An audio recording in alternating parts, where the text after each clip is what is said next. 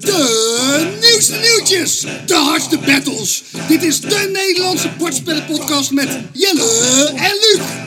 Maak je klaar voor... Cartoon, cartoon. Welkom bij een nieuwe aflevering van Karton, de Nederlandse bordspellenpodcast. Nummer 11 Jelle en de eerste van 24. We zijn het nieuwe jaar weer gestart. Ja, en, en hoe zijn wij het nieuwe jaar gestart? Heel erg goed zelfs, hè? Ja, dit is wel echt uniek. Wij hebben er ongeveer een jaar over moeten doen om elkaar te vinden aan een tafel met een bordspel in ons midden. Maar het is gelukt. Ja, als we inderdaad eh, de wijkboerderij even buiten beschouwing laten, appte ik jou, eh, nou wat is het, eh 2, 3 of 4 januari, ergens in die eerste week na Oud en Nieuw. Hey, Jelle, heb je vanavond wat te doen? Ja, en toen eh, ineens viel het allemaal gewoon op zijn plek. En zat ik echt eh, binnen een uurtje bij jou aan de, aan de tafel. Ja, en niet één, niet twee, maar drie bordspelletjes kunnen spelen. Ja, echt een hele avond lang. Was wel echt leuk. Ja, We gewoon inderdaad dat wij elkaar al het hele jaar zien bij het maken van een podcast. En nu ook gewoon weer eventjes een spelletje hebben gespeeld. En ook nog gewoon een co-op spel, hè? Ja, ja, ja, ja. we hebben eigenlijk eh, meerdere dingen van ons lijstje kunnen afstrepen. We zijn eh, aan de koop gegaan met eh, Unmatched Tales to Amaze. Super tof trouwens, maar daar zullen we vast nog wel even over hebben. Eh, we hebben uiteraard het beste spel van 23 gespeeld, Mycelia. En, en een potje Dobbelland. Ja, ja en Dobbelland. Ik ga dit toch even zeggen. Ik heb hem gewoon... ik ben binnenkort jarig. En ik heb Dobbelland ook maar wel gevraagd, Luc. Ik weet nu al een van de comments. David die gaat appen of mailen. Moet je het nou weer over Dobbelland hebben? Ja, David, het is een goed spel. Nou, het is ook echt... Ik had het natuurlijk al een keer bij jou gespeeld. Want dat was het enige spel wat we ooit samen hadden gespeeld. Mhm. En nu de tweede keer dacht ik, ja, dit is toch nog wel echt nog leuker als dat die was in mijn herinnering. Dus eh, ik verwacht dat die ook in dit jaar ook in mijn collectie gaat komen. Dus eh, ja, je bent best wel mij aan het influencen.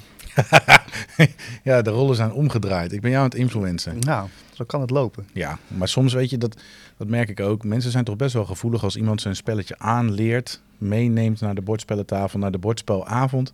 Dat is toch ook hoe we allemaal geïntroduceerd worden aan nieuwe spelletjes. En eh, soms, ja, soms raak je hem precies in de roos. En eh, soms neemt iemand een spelletje mee en dan raakt het je niet. Ja, dat is allemaal oké. Ja. Nou, en dus inderdaad wel tof dat wij gewoon in een vrij korte tijd drie spellen hebben gespeeld. Die, nou ja, Dobland is wel net wat kleiner. Maar zeker een, ehm een Mycelia en een ehm eh, Unmatched Tales to Amaze eh, zijn ja, een soort van medium zwaarte, hè? ook qua lengte. Maar het ging allemaal vrij vlot, hè? Ehm, maar We goed. zijn begonnen. Ja, aflevering 11 en eh, de eerste van dit jaar. En daar gaan we natuurlijk weer een heleboel dingetjes doen. Zoals jullie gewend zijn, eh, hebben we weer wat nieuwtjes eh, voor jullie opgesnord. Eh, we hebben weer een heleboel vragen, sommige wat uitgebreider dan andere. Eh, we zullen daar ons best voor doen om die al zoveel mogelijk te beantwoorden. Daarna gaan we in gesprek over bordspellen en uitbreidingen. eh, waar onze battle en onze top 3 ook in plaats zullen vinden. En eh, nou, ga er maar voor zitten. Eh, doe je riem maar vast, want we gaan los. Laten we beginnen met de nieuwtjes inderdaad. Het is tijd voor het laatste...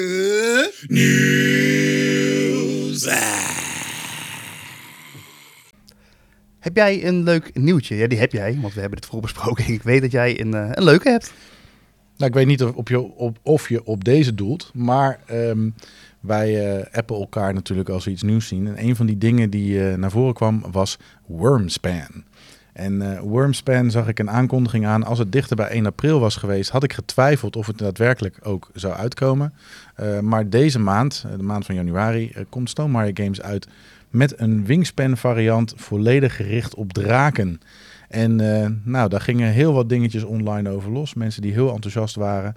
Ik kreeg zelfs appjes van collega's op de hogeschool die zeiden: Ga jij dit ook krijgen? Want reserveer er maar vast voor eentje voor me. Ehm, dus ja, eh, wingspan, maar dan met drakeneieren en grote draken. Ik ben heel benieuwd hoe die gaat werken. Ehm, ik heb het idee dat de community wel geïnteresseerd is in eh, hoe die eruit komt te zien. Nou, wat ik wel echt bizar vind, en ik ben wel benieuwd naar een trucje, is jij appte mij dat. En vervolgens ging ik op social media en echt, het was overladen met alleen maar over Wormspan. Dat ik denk van, hoe lukt, lukt dit om het zo viral te laten gaan in zo'n korte tijd? En zijn mensen dan zo fan van draken, dat ze zo blij worden dat het Wingspan is met een ander thema? Of vinden ze Wingspan zo vet en eh, nou ja, vinden ze het leuk dat er dus iets nieuws wordt eh, gebracht? Maar het ging echt flink los. Je kon het eigenlijk niet missen. Nee, en ik denk dat dit dus het knappe is van Stonemeyer in dit geval. Want het is beide, denk ik. Je hebt een hele grote groep mensen die ontzettend fan is van Wingspan. En denkt, joh, dit mechanisme zit goed in elkaar, laat mij maar losgaan. Eh, en daarnaast denk ik, draken, ja, mythischer dan dat ga je het bijna niet krijgen. Eh, elke, eh, nou ja, Dungeons and Dragons... Zoveel spellen, films, boeken waar zodra er een draak in voorkomt, Game of Thrones, Lord of the Rings, ehm, overal zitten natuurlijk deze mythische figuren en het heeft een aantrekkingskracht op mensen. Ja. Ja, ik heb dus helemaal niks met draken, dat zou je niet verbazen. Je begint bijna te denken, waar heeft die jongen wel iets mee in het leven? Maar inderdaad, eh, ja, draken. Dus ik, qua thema denk ik niet van yes.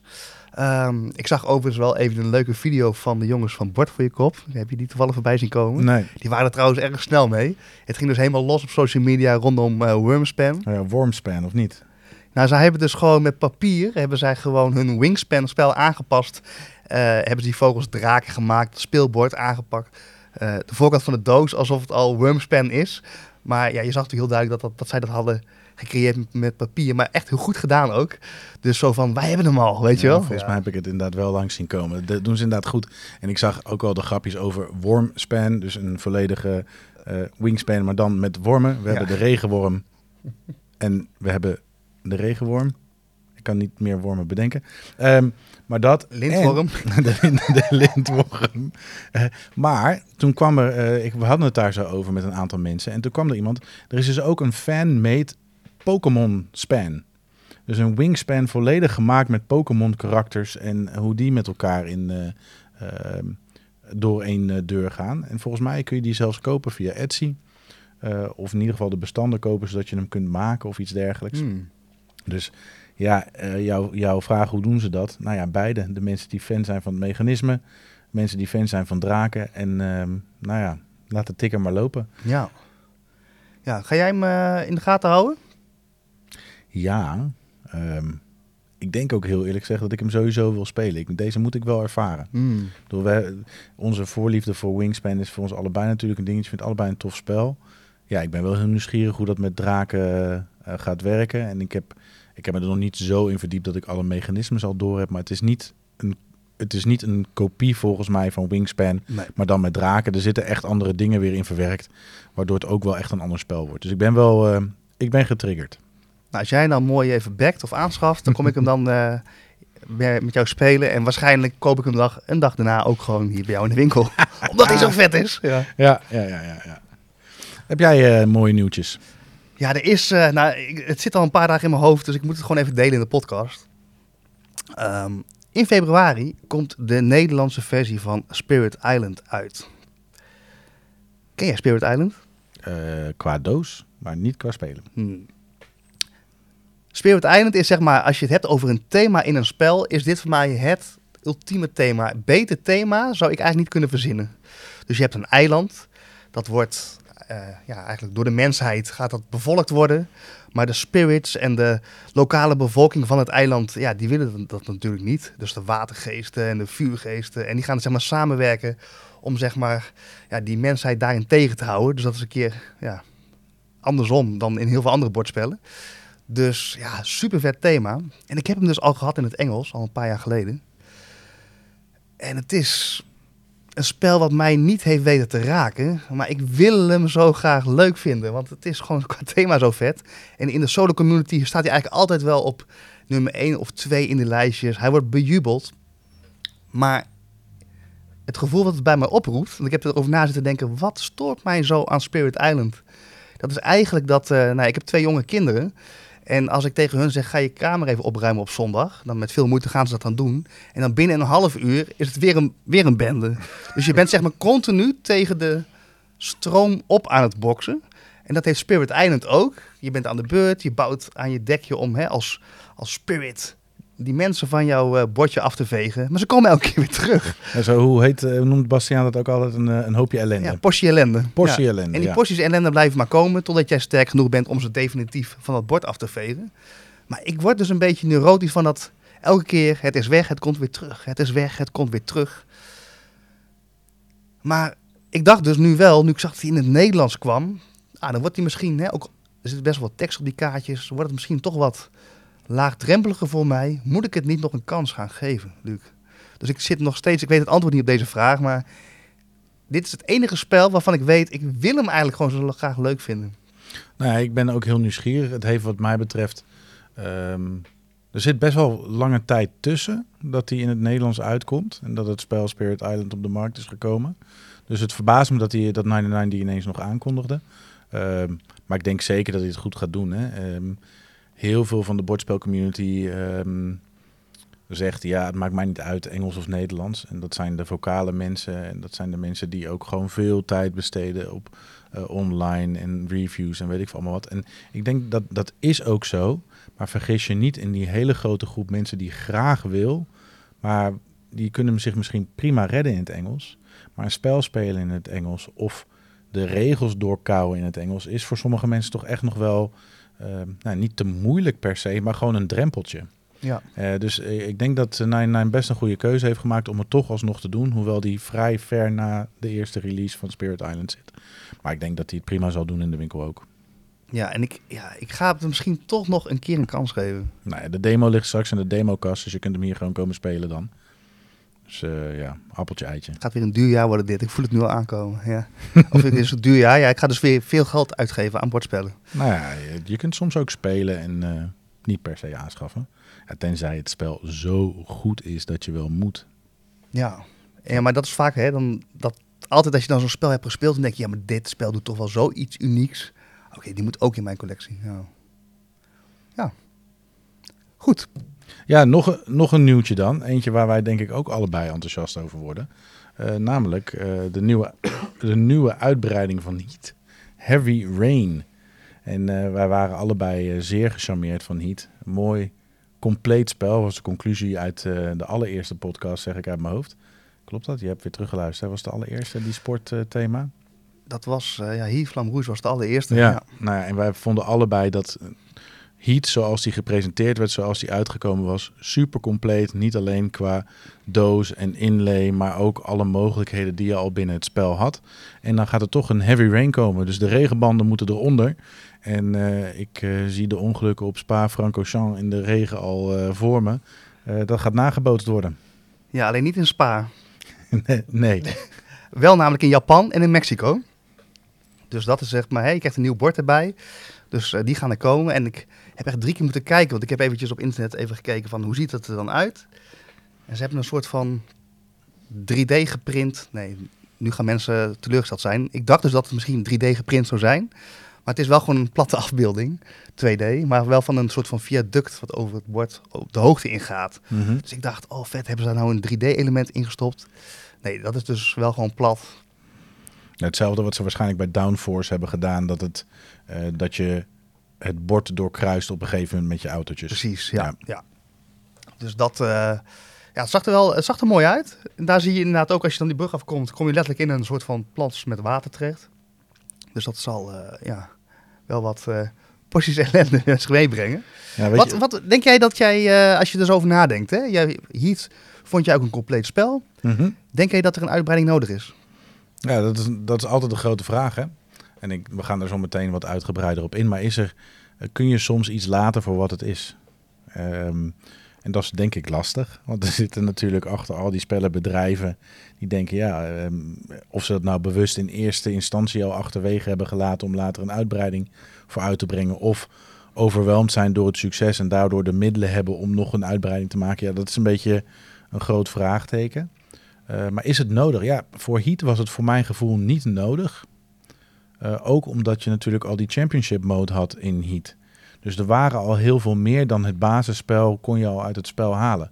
Desalniettemin eh, ben ik wel mega geïnteresseerd. En zou ik denk ik ook wel die in mijn collectie toevoegen als ik eh, zie van hé, hey, dit levert wat op. Ja, ik twijfel dus een beetje. Ik merkte dus dat ik iets minder enthousiast werd toen ik zag. Maar dat lijkt een klein beetje weer een thema terug te komen nu al. We zijn pas net begonnen.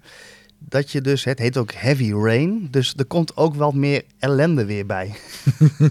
het wordt weer pittiger om door zo'n waterstroom te komen. eh, is dat nou iets waar ik dan direct op zit te wachten? Of vond ik het al best lekker racen op die banen die er al waren? Snap je?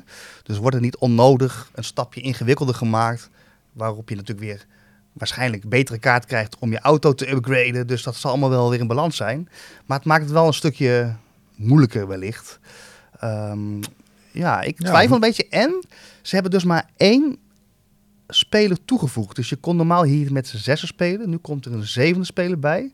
Dus nu kun je met zeven echte mensen kun jij, eh, aan de slag. Dat is overigens een oranje autootje. Dus ik ben niet heel erg in de Formule 1. Maar ik, mijn hoofd denkt dan Max Verstappen. Nee, nee, McLaren, maar dat maakt niet uit. Oh, ja, maar goed. Hij zit waarschijnlijk wel met iets oranjes in die auto, toch? Of niet? Nee. Nee, Ik heb nee, ook echt nog nooit Formule 1 gekeken, jongens. maar goed. Nou, ja, ik, ik zit lekker in mijn waan dat dat dan toch Max Verstappen is. Die dan in die doos eh, wordt toegevoegd. Mhm. Ik zit er dus helemaal naast. Nee, Lando Norris, Die reed oranje. die rijdt in het oranje. Oké. Ja. Ja, nou goed. Die zit dan in die doos, denk ik. maar goed, ja, dus ik ben wel, ik ben minder enthousiast als dat ik had gedacht. Ja, weet je wat het is met zo'n uitbreiding? Hè? En, eh, wordt het per se moeilijker? Misschien wordt die tactisch anders. Ik weet bijvoorbeeld bij het Flam Rouge hebben ze een hele... En dat was een mini-uitbreiding. Meteo, die gaf alleen maar wat weersomstandigheden aan je race. Ehm, maar die zorgde er wel voor dat je ineens tactisch anders door het spel moest. Want je wist dat, eh hey, als we straks eh, verderop in de bergen zijn, dan gaat het regenen. Eh, ja, dan eh, kan ik eh, wel onderuit gaan. En ehm, hey, straks dan hebben we wind tegen, dus dan mag ik in plaats van vier mag ik maar drie kaarten pakken. hey, straks heb ik wind mee, dus dan mag ik vijf kaarten in plaats van vier pakken. En dan moet je toch tactisch gaan nadenken over hoe je die route gaat aanvliegen. En nou ja, nogmaals, we hebben nog geen idee wat Heavy Rain gaat brengen. Maar ja, soms is het een andere tactiek en niet per se moeilijker. Ja. Maar we, gaan- we gaan het zien, we gaan het ontdekken. ja, ik ga in ieder geval eerst, zodra die uit is, eens even wat eh, content bekijken, heel wat video's en kijken of dit echt ja, voor mij gaat toevoegen wat ik hoop. Eh, maar het is voor mij nog niet een instant buy. Nee. Nee. Alright. Ehm, dan hadden wij nog. Ik heb in ieder geval, ik, weet, ik heb nog een, een wat minder leuk nieuwtje. Oh ja, dat, dat, dat is een goede. Ja, ehm, ik vind eh, onze community altijd erg fijn.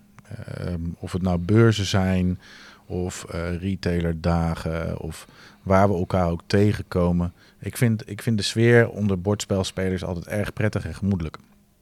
En ehm, eh, ook op de social media volg ik mijn collega's en content creators. Probeer ik ook allemaal zoveel mogelijk te volgen. want elkaar supporten, dit en dat, zus en zo. En toen zag ik een, ehm, een medewinkel-eigenaar, Flashcards. Die ehm, zette vlak na Oud Nieuw een heel vervelend berichtje online. Die zette namelijk hun bewakingscamera's beelden online. Want er was op de nacht eh, van eh, 30 op 31 december eh, ingebroken in hun pand. En dat was wel op zo'n speciale, professionele manier gedaan... dat je daar een beetje rillingen van krijgt, ook als je de beelden. Eh, er was namelijk de, de kabels doorgeknipt van het alarm, ehm, de deur opengebroken... en het leek alsof de mensen precies wisten waar ze naartoe moesten. Voor de mensen die flashcards niet kennen, het is een, eh, een winkel vooral heel erg gespecialiseerd op Pokémon. En die zijn rechtstreeks naar de grootste waarden, de duurste kaarten, de duurste sets gelopen. En hebben daar een soort eh, tuinafvalzak lopen vullen met materiaal. Eh, dat doet een ondernemer heel veel pijn. En dat zou iedereen pijn zijn of het nou een privécollectie is of een zakelijke collectie. Ook nog eens omdat het bijna niet te verzekeren is, want het is tweedehands product. Hè? Een eh, gegrede kaart of losse kaarten. Dus er is geen verzekeringsmaatschappij die zegt, eh, want het wordt niet als kunst gezien. Nou, je snapt hem. En eh, ik wil dat toch even onder de aandacht brengen. Ten eerste, jullie kunnen ze steunen door ze een volg te geven online. Maar ook mocht je ehm, iets weten, iemand herkennen op hun beelden. ehm, doe het dan vooral omdat het niet oké is dat je met je handen aan andermans spullen zit. Eh, maar ze hebben ook nog een eh, beloning van eh, een niet mis te verstaande eh 10.000 euro uitgeloofd aan degene die hen helpt aan dit probleem op te lossen. Dus dat was gewoon een klote nieuwtje. Sorry, in deze vloek kon ik niet onderdrukken, maar gewoon echt heel naar. En ik hoop dat ze dat te boven komen. Ja, je hebt me net de video laten zien voordat we deze podcast gingen starten. En het is gewoon echt ja, gewoon brutaal gewoon hoe ze dan inderdaad gewoon doorsnijden, binnenkomen, stappen. En inderdaad, ze lopen precies naar de plek Ze wisten gewoon wat ze moesten hebben. Die Absoluut. zakken gaan echt overvol. Je ziet ze gewoon echt slepend over de grond. Het, oh ja, dat denk je echt van de brutaliteit. Ja, bizar. Ja, weet je, sowieso. Ik kan daar heel boos over worden, want ik snap niet wat je bezielt. Maar goed, dat eh, probleem gaan we in deze podcast eh, niet oplossen. Nee. Nou, zullen we er even iets vrolijks tegenover zetten dan? Om even weer in de goede sfeer te komen. Want Ja. ja. het is eigenlijk een soort van inside nieuwtje, maar we moeten het toch eventjes delen natuurlijk. Want eh, we hebben natuurlijk vorige aflevering hebben wij een battle gehad. De Castles of Burgundy tegen Mycelia. En ik denk echt oprecht dat als ik alles ga tellen, ga ik de overwinning met Castles of Burgundy wel krijgen op het gebied van getelde stemmen. Maar de morele winnaar, Luc, dat ben jij. Die moet je gewoon nu echt gewoon uit eigen handen geven. Want op de avond dat wij samen een spelletje gingen spelen, hebben wij dus ook Mycelia gespeeld. Ik speelde het voor de eerste keer en ik was meteen verkocht. Letterlijk heb ik het spel één of twee dagen later hier in de winkel gekocht. Ik heb er ook nog eventjes een story van gemaakt. Dus het was wel echt zo leuk. Ik had het niet verwacht, oprecht niet, dat hij ehm, ja, zo leuk zou zijn. Dus, en het ironische is er ook wel dat ik dus natuurlijk ook een oproep had gedaan van... hey, ik heb nog een tweedehands exemplaar van Castles of Burgundy, de vorige versie. En om de battle te kunnen winnen had ik die voor een heel schappelijk prijsje van 25 euro eh, te koop aangeboden. Er zijn op- oprecht iets van vijf reacties opgekomen van mensen die dat wel wilden. Nou, degene die dat als eerste eh, is geweest, eh, nou, die, dat is Arjen. En die heb ik dat spel verkocht. Dus ik heb met het geld van Castle Burgundy heb ik Mycelia gekocht. Ongeveer. Hè? Het komt ongeveer uit. ja, ja, ja. Dus dat is toch wel een hele mooie overwinning voor je. Zeker. Ik, eh, ik neem hem en eh, en dan zal ik ook eerlijk bekennen dat het potje Mycelia wel gewonnen is door Jelle. Dat is waar, hè? Ja. En zal ik je nog iets bekennen wat ik nog niet gezegd heb? Dat deed je expres. Nee, nee, nee, nee, nee. nee, nee, nee. Eh, Iemand expres laten winnen, dat doe ik eigenlijk niet. Ik kan heel goed tegen mijn verlies, maar bewust laten winnen, dan voelt die overwinning nep of zo. Dat doe, ik- Mm. dat doe ik niet. Ehm, ik zal jou bekennen dat ik... eh, ben die doet bij ons de bestellingen voor Ravensburger.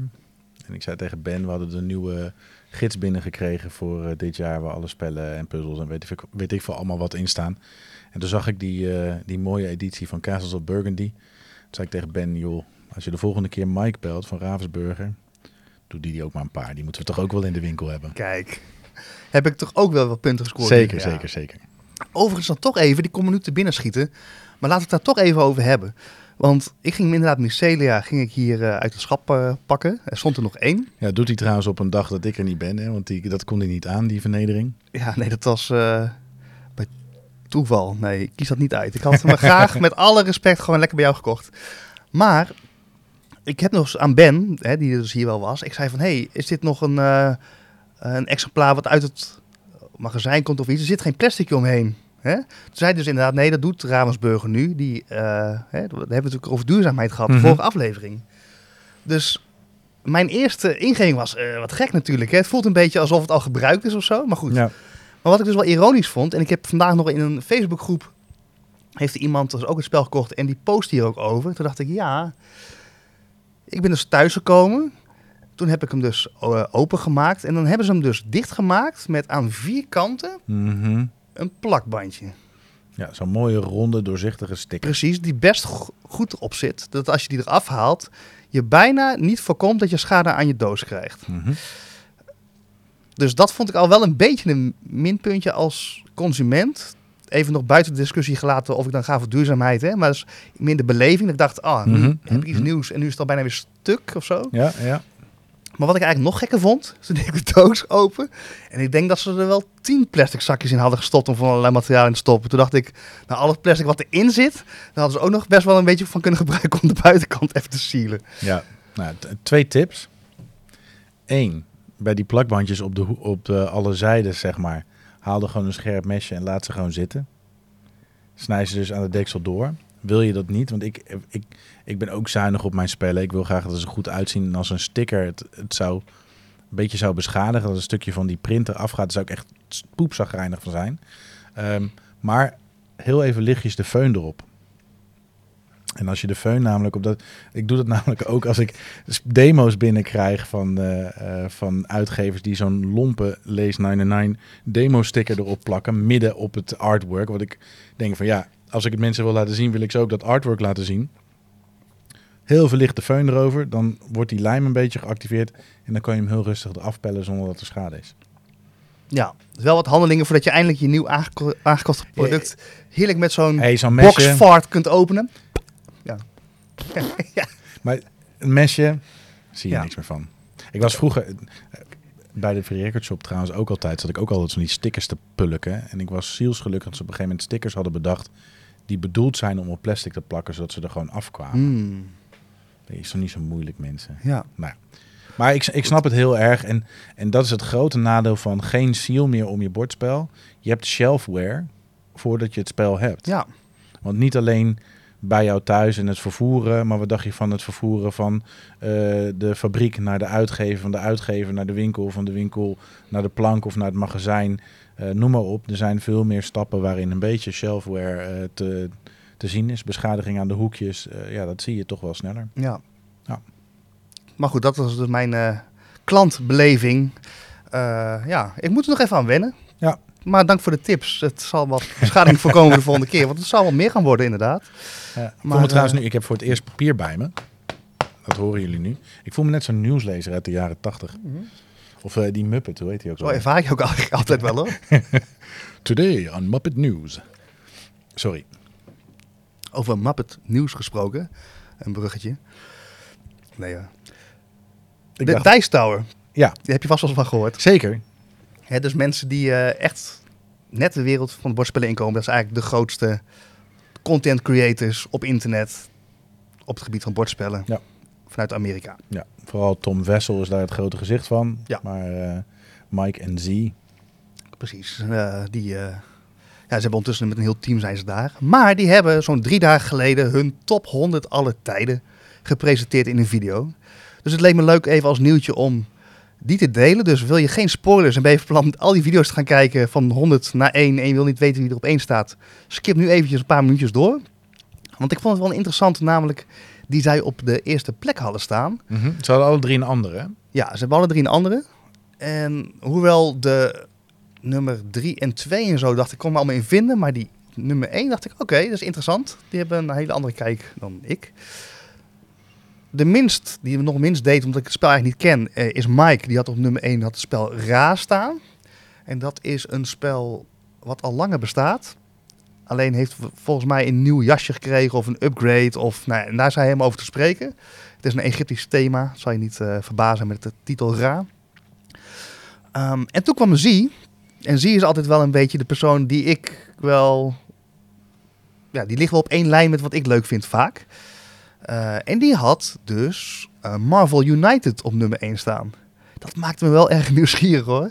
Dat is weer, kijk, ik heb dus gewoon geen geld genoeg jongens. Maar ik zit ook te denken van, ja, moet ik hem dan, dan toch ook maar eens gaan proberen of aanschaffen? Eh, heb jij hem wel eens gespeeld? Ja, zeker. Ja, Snap jij waarom eh, Zie hem op nummer 1 heeft staan? ja, ik moet nu even... Ik heb het je verteld, die, die Vlaamse uitleg die ik kreeg op Spellenspectakel in België. Eh, dus wij moesten de, de, de schurk eh, tien klappen op zijn poep geven. Ehm, ja, en daarna heb ik hem ook nog een paar keer gespeeld in de winkel. Ehm, snap ik dat hij hem op nummer 1 zet alle tijden? Nee. Heel, heel simpel, nee. Dat, daar moet, dan moet ik hem echt nog veel vaker gespeeld hebben. En moet ik hem elke keer terug willen, wil hij zo'n stempel van mij krijgen. Eh, wat ik wel snap is dat ik het echt een hele goede koop vind. En ehm, eh, hij, hij is leuk omdat je echt je eigen acties doet. ehm, maar je gebruikt ook altijd de laatste actie van degene die voor jou aan de beurt is. Dus iets van overleg. Want ik vind het fijn als je met zoiets eindigt. Zodat ik zometeen deze actie kan gaan doen. Er is echt overleg nodig. Zonder, eh, waar jij het wel eens over had, een alfa-speler is die alles bepaalt. Want je moet het met je eigen kaarten doen. Dus je moet ook echt vanuit je eigen standpunt een beetje gaan bekijken hoe je die stad gaat helpen en deze schurk gaat bestrijden. Mooi woord trouwens, schurk. Ehm, dus ja, ik vind hem wel echt heel erg leuk. Ik denk dat hij ehm, vooral in de categorie familie co-op een hele goede is. Heen helemaal voor de Marvel fans. Ja, en zijn argumentatie was dat hij eh, sowieso heel makkelijk op te pakken zou zijn. Ja. Dus eigenlijk kan inderdaad iedereen het leren. Maar het schijnt ook heel makkelijk te tunen zijn in de moeilijkheidsgraad.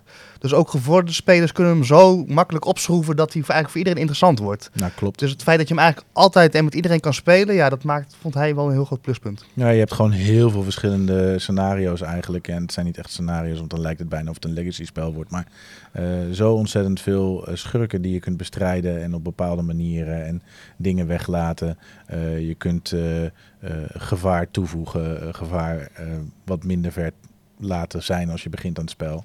Dus ja, dat klopt. Ja. En ik vind het een goeie hoor. En ehm, ehm, Happy Meeple die heeft hem eh, op de Nederlandse markt gebracht. eh, met de Black Panther uitbreiding al.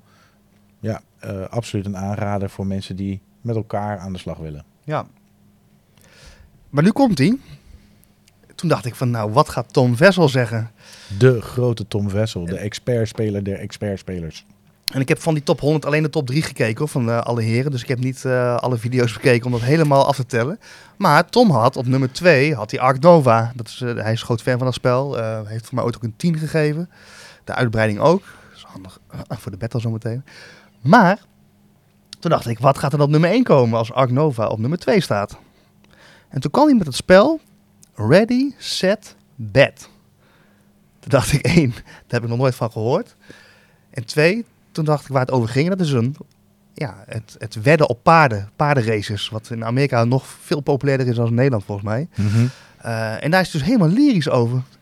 Toen dacht ik, oké, dan moet het wel een heel goed spel zijn, wil het Ark Nova verslaan. Dus eh, ik ga er toch de aankomende tijd eens wat meer in verdiepen. Maar ik dacht ook van, is dat ook een beetje... We hebben het wel eens gehad over culturen. Dat wij helemaal niet zijn opgegroeid. Tenminste, ik niet met het wedden op paarden. Zeg maar het wedden op kamelen in Camel Up, dat is, eh, of Camel Cup. Dat is ongeveer het meest eh, eh, wat in de buurt komt bij mij op, op paarden wedden. Mhm. Ehm, dus het zit ook helemaal niet in mijn DNA of zo. Dus ik kan me voorstellen als je in Amerika woont en er zit een, het is echt een goed spel waarin je goed op paarden kan wedden, dat je dan misschien wat sneller ook aangaat op dat soort spellen. Ja, ik zit nu te denken. Ik denk dat er inderdaad bij eh, alle plekken waar ik wat tijd heb doorgebracht wel ergens een racetrack in de buurt was. Dus eh, ook bij waar ik woonde was eh, op nog geen half uur een, eh, een, een racetrack. En ehm, de Monticello racetrack, voor degene die het wil opzoeken. Eh, gehucht van heb ik jou daar. En dat is gewoon een, een klein slotcasino, zeg maar. en daarbij inderdaad een, een paardenracebaan. Ben je er wel zo geweest ook? Heb je oh ja, meegemaakt? ja, zeker, zeker. Heb je wel eens op een paard gewed? Oh, absoluut. Oh echt? Ja, oh ja, ik ben stiekem wel een beetje gevoelig voor een beetje wedden. Ik vind als er een beetje ingezet moet worden met bordspellen, vind ik dat ook altijd wel een grappig mechanisme. We hebben het de vorige keer niet eens over gehad, over dat mechanisme. Ehm, ja, ik vind dat wel leuk. Ik hou ook wel van een casino. En, eh, Ah, ja. Ja. Heb je toen ook wat gewonnen of niet? Of gaan we nou heel veel details? eh? geen idee. Oh, nee, dat, dat stelt echt niks voor. Mijn, mijn grootste wedverhaal is dat ik ooit meegedaan heb aan een pokertoernooi in Vegas. En eh, voor de mensen die niet, eh, niet precies weten hoe po- poker gaat, maar die, je hebt daar de bubble. En de bubble betekent dat is de laatste aantal spelers ehm, die ehm, om het prijzengeld gaan spelen. En de bubble boy is de laatste persoon die afvalt voordat bereikt is. En ik heb een hele, ehm, een hele dag in, de, in de, de Nugget, een van de oudste casinos van Vegas, zitten pokeren. Het ging echt heel erg goed. En ik was de bubble boy van dat toernooi. Dus ik had, had als enige niks. Oh. Nee, ik had als laatste niks, moet ik zeggen. Want er waren er, eh, ik geloof, iets van 100 daarvoor al afgevallen. Maar ehm, ja, geen, eh geen doekoe voor mij. Anders was je wel echt bijna echt een koning bordspel geweest. Ja, maar dat is koning nou, poker, ja, ja. koning poker. Nou, nou, ik had wel in een van de pauzes 5 dollar in een slotmachine gestopt. En daar kwam va- 100 dollar uit. Dus ik had mijn inschrijfgeld wel terug. Heerlijk. Ik heb nog eventjes die comments zitten lezen onder die eh, top 100. Vond ik ook wel een interessante beredenering. Want het is Mhm. best opvallend dat zij met eigenlijk allemaal wat zwaardere spellen aankomen. Ook wel in die top 10. En dat is eigenlijk allemaal op nummer 1. eh, misschien op ra na. Best wel lichte spellen hebben staan. Waarbij dan ook werd geopperd. Zou het kunnen zijn dat als je eigenlijk zo vaak zoveel zware spellen hebt gespeeld. Dat het eigenlijk op een gegeven moment veel lekkerder wordt om ook gewoon even wat, ja, wat mildere taart te eten of zo. Nou, in ieder geval de reden waarom iedereen dobbelland in zijn collectie moet hebben. Ja, precies. Ja, nou ja. Nee, maar dat, is- ik heb dat wel eens gezegd natuurlijk. Dobbelland was voor ons meestal een, een afsluitertje na een avond een wat zwaarder spel spelen. ja. Gewoon eventjes om uit die serieuze, die hard nadenkende modus te gaan en even een leuk tussendoortje te spelen. Dus ja, Ja. Nee, ik, ik kan me er wel wat voor, bij, bij voorstellen. Maar als ik zelf een top... Ik weet niet eens of ik... Ik denk dat ik niet eens een top 100 kan maken, Jelle. Nee, bizar dat is echt, vind ik, veel te ingewikkeld. Een top 10 denk ik dat nog wel moet lukken. Maar een top 100 aller tijden... Nee, ik denk niet dat me dat gaat lukken. Eh, maar ik denk niet dat ik zo'n tussendoortje... eh, een lichter spel, dat die op nummer 1 zou eindigen. Kan me niet voorstellen. Ik ga hierover nadenken. En ik, ik- daar komen we in een van de afleveringen vast wel op terug. Ja, misschien moeten we toch een keer een karton top 10 of zo. Ja.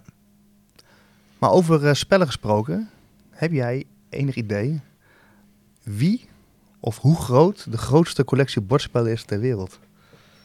Geen idee. Ik wil wel gokken. Ga schokken. De grootste bordspellen. Ik weet dat mensen altijd eh, onder de indruk zijn van mijn, ehm, mijn eigen collectie. Die eh, als ik alle kleine spelletjes en uitbreidingen meetel, toch ook wel richting de 200 schurkt. Maar dat is denk ik niks vergeleken met als ik die wand van Bastiaan zie, bijvoorbeeld op zijn filmpjes. Of eh, de gemiddelde andere Instagrammer die eh, altijd in zijn eigen kast loopt te leuren. Als ik een gok moet doen, eh, dit is wereldwijd hè, dit is niet een Nederlandse aangelegenheid. Dan zou ik denken dat de grootste bordspellencollectie de 10.000 overgaat. Dus ik zou zeggen 10.864. Hmm. Zit je er één naast? Dat zou echt. Dan gaan we nu naar het casino, Jelle. ja. ja. Ik heb vandaag, ik had wat tijd over, dus ik dacht ik ga dat eens even onderzoeken. En het is best wel, eh, het- eigenlijk gaat het antwoord zijn dat het wordt op een gegeven moment een beetje vaag. Dus je hebt best wel mensen die feitelijk kunnen laten zien dat zij grote bordspellencollecties hebben. Maar als je bijvoorbeeld kijkt op Board Game Geek, daar hebben ook mensen soms gigantische aantallen in hun collectie staan online. Maar dan weet je nog niet feitelijk of, die, of ze dat ook echt daadwerkelijk, daadwerkelijk hebben. Mhm. Of dat ze ermee lopen te showen. Ja. Dus dan kom je op het punt, wie kan feitelijk vaststellen, laten zien dat ze zoveel spellen hebben. En nou is er nog geen consensus over wie nou de meeste heeft. Maar er zijn in ieder geval drie partijen die in ieder geval bovenaan komen in deze discussie. En je hebt dus de familie eh, eh, De Cassan. En dan is het een vrouw Dagmar en haar man. En die hebben ook de Austrian, dus dat is dan Oostenrijk, ehm Board Game Muse- Museum. Mhm. En daar zijn 30.369 titels aanwezig. Maar dat is dus niet van een particulier. Vind ik geen privécollectie, nee. Nee, dat is geen privécollectie. Dan heb je ook nog het in Duitsland, het, het is het Duitsland denk ik, het Nuremberg Museum. Mhm. Die heeft zo'n 30.000 in de collectie. Mhm. Volgens de getallen die ik heb eh, kunnen vinden. Dus het zou zo kunnen zijn dat ze ons morgen gaan bellen. Nou, we hebben er ondertussen nog 2000 meer. Zou kunnen. Maar nu komt het. Toen stuitte ik ook op iemand. Want er zijn dus ook mensen hiermee op Board Game Geek aan de slag gegaan om dit te onderzoeken. En die zei, hey, ik heb hier een Italiaan gevonden, maar ik heb geen naam erbij. Maar ik heb wel de video gezien. Die eh, een video heeft gemaakt. En dat is dan weer een vader van een van de bekendste Italiaanse gameontwerpers. En die heeft dus een privécollectie van 40.000 bordspellen. Ja, dat moet Francesco Giocatori zijn. Is dat van eh, de broer van uh, Quattro Stagioni? en Francesco Giocatori is Francesco speler. En Giocatore is een speler. Oh, is Dat zo? Italiaans. Maar goed, ja, dus het getal 40.000. Laten we die in ieder geval even neerzetten. Ja, koekoek. Maar toen zat ik daar dus over na te denken. Stel je voor, je hebt dus heel veel geld. Dit is ook echt zo'n hele rijke... eh, ja, dan heb je gewoon echt geld te veel. Wat drijft je om 40.000 spellen te kopen? Wat Ik- gaat er dan in je om? Ja, ik vraag mij al af wat het mij, mij beweegt om soms spellen te kopen. Eh, Ik heb nog zo ontzettend veel spellen in plastic zitten die ik maar niet aan spelen toekom. Ja, wat, ja. Ben je dan ook op zoek? Hè? Zit dan denk als je dan inderdaad 40.000 spellen... Er zit wel een grens ook in wat je kunt spelen. ja dit, hier heb je nooit tijd voor. Dat kan niet. Nee. Dus en als je 40.000, dan moet je echt bijna dagelijks moet je ook gewoon spellen kopen of zo. Ja, maar ik bedoel, als je eh, een collectie hebt van eh 100.000 Pokémon kaarten, geef je ze ook niet elke avond een kusje voordat je gaat slapen. Dus ik denk dat het gewoon een soort verzamelwoede moet zijn dan. Ja. Ik wil gewoon de grootste collectie hebben. Ik wil elke nieuwe uitgave hebben. Eh, eh, ja, ik denk dat het zoiets moet zijn haast. Bizar hè? Ja, Ja, ik zit dan ook gelijk te denken, wat voor leegte heeft die man in zich dat hij dit probeert op te vullen met 40.000 spellen. Ja, dat is een hele grote aanname. Maar, Ja. maar hoeveel spellen heb jij in je collectie zitten dan, Jelle? Oh, dat zou ik wel in mijn app kunnen checken, maar ik, ik denk rond de 150.000. Nee, 150. Ja. Ja. 105. Maar dan ook de kleintjes meegerekend. Ja, ja, ja dat, dat geldt voor mijn kleine 200 ook hoor. Ja. En reken je dan de uitbreidingen ook mee? Nee. Nee. Hm. Nou, ik vraag me af, oh, niet alleen wat beweegt je, maar hoe groot is je huis? Ik weet hoeveel ruimte het bij mijn huis inneemt. En dat je bij oh, echt letterlijk op elke verdieping van mijn huis en in alle kamers behalve Charlotte's domein, eh, en ik denk stiekem zelfs in Charlotte's domein, vind je wel spellen. Dus, en ik heb niet, niet, niet, ik heb niet een, eh, een, een appartementje van 20 vierkante meter of zo. Nee, je hebt gewoon een eh, grote mensenhuis. Ja. Nou, bi Nou ja, bij mij is dat Bizar. wel zo gegaan. En dat is wel een, een, een tip, mensen. Dus weer even goed om te delen voor de luisteraars. Want als je begint met de hobby, hè, dan koop je op een gegeven moment een spel. En dan zeg je, zeker als je dus samenwoont, hè, dat ik dus in dit geval met Jarda op een gegeven moment zei van, nou, leuk spelletje, zetten we in de kast. Dat is ook gezellig als de mensen komen, kunnen we het gelijk uit de kast pakken. Dus we hadden ook zo'n vakkenkast. Dus dan krijg je eerst één vakje toegewezen dat je daar dan wel je spellen in mag verzamelen. Nou, dat worden er twee, dat worden er drie, dat worden er vier. Ja, dan voel je al een beetje aan. Dan gaat een keer een grens bereikt worden. Maar je houdt nog wijselijk je mond dicht. Dat worden er vijf, dat worden er zes. En dan komt dus wel het punt dat jij daar zei van... Ja, oké, het is leuk. Maar nu is echt onze halve woonkamer nu bordspel. Leuk dat jij die hobby hebt. En leuk dat we het zo uit de kast kunnen pakken. Maar verder als zes gaan we niet. Mhm. Maar goed, toen had ik dus wel een goede minuutje om te zeggen... Oké, we hebben nog wel een kamer boven om... eh, ja, ik, ik kan ervoor kiezen om alle spellen naar de zolder te doen. Maar dan moet ik gewoon die kamer inrichten als spellenkamer. En dan kun jij beneden gewoon die vakjes, hè? Nou ja, die deal leuk- is doen een, leuk, kloten. een leuk beeldje of een eh, fotootje of een bloemetje. Ja, ik kan ze lekker uh, tierenlantijntjes. nou ja, dit is zo dus gebeurd. Dus ik heb gewoon nu wel echt een eh bordspellenkamer. Ja, waar ik nog heel veel bordspellen in kan. Luc. Ja, geen 40.000, maar ik kom Nee. heel eind. Nee, ja, bizar. Ja, Ja. nou, mooi man. Goed. Ehm, even kijken of... nee, we hebben nog sowieso één nieuwtje. Gewoon een feitje eigenlijk. En ik had hem ingebracht, maar jij mag hem voor mij delen. Anders ben ik veel te veel aan het woord. Ik heb geen idee waar je het nu over hebt. Waar heb je het over? Easter eggs. Oh, oeh ja, de Easter eggs.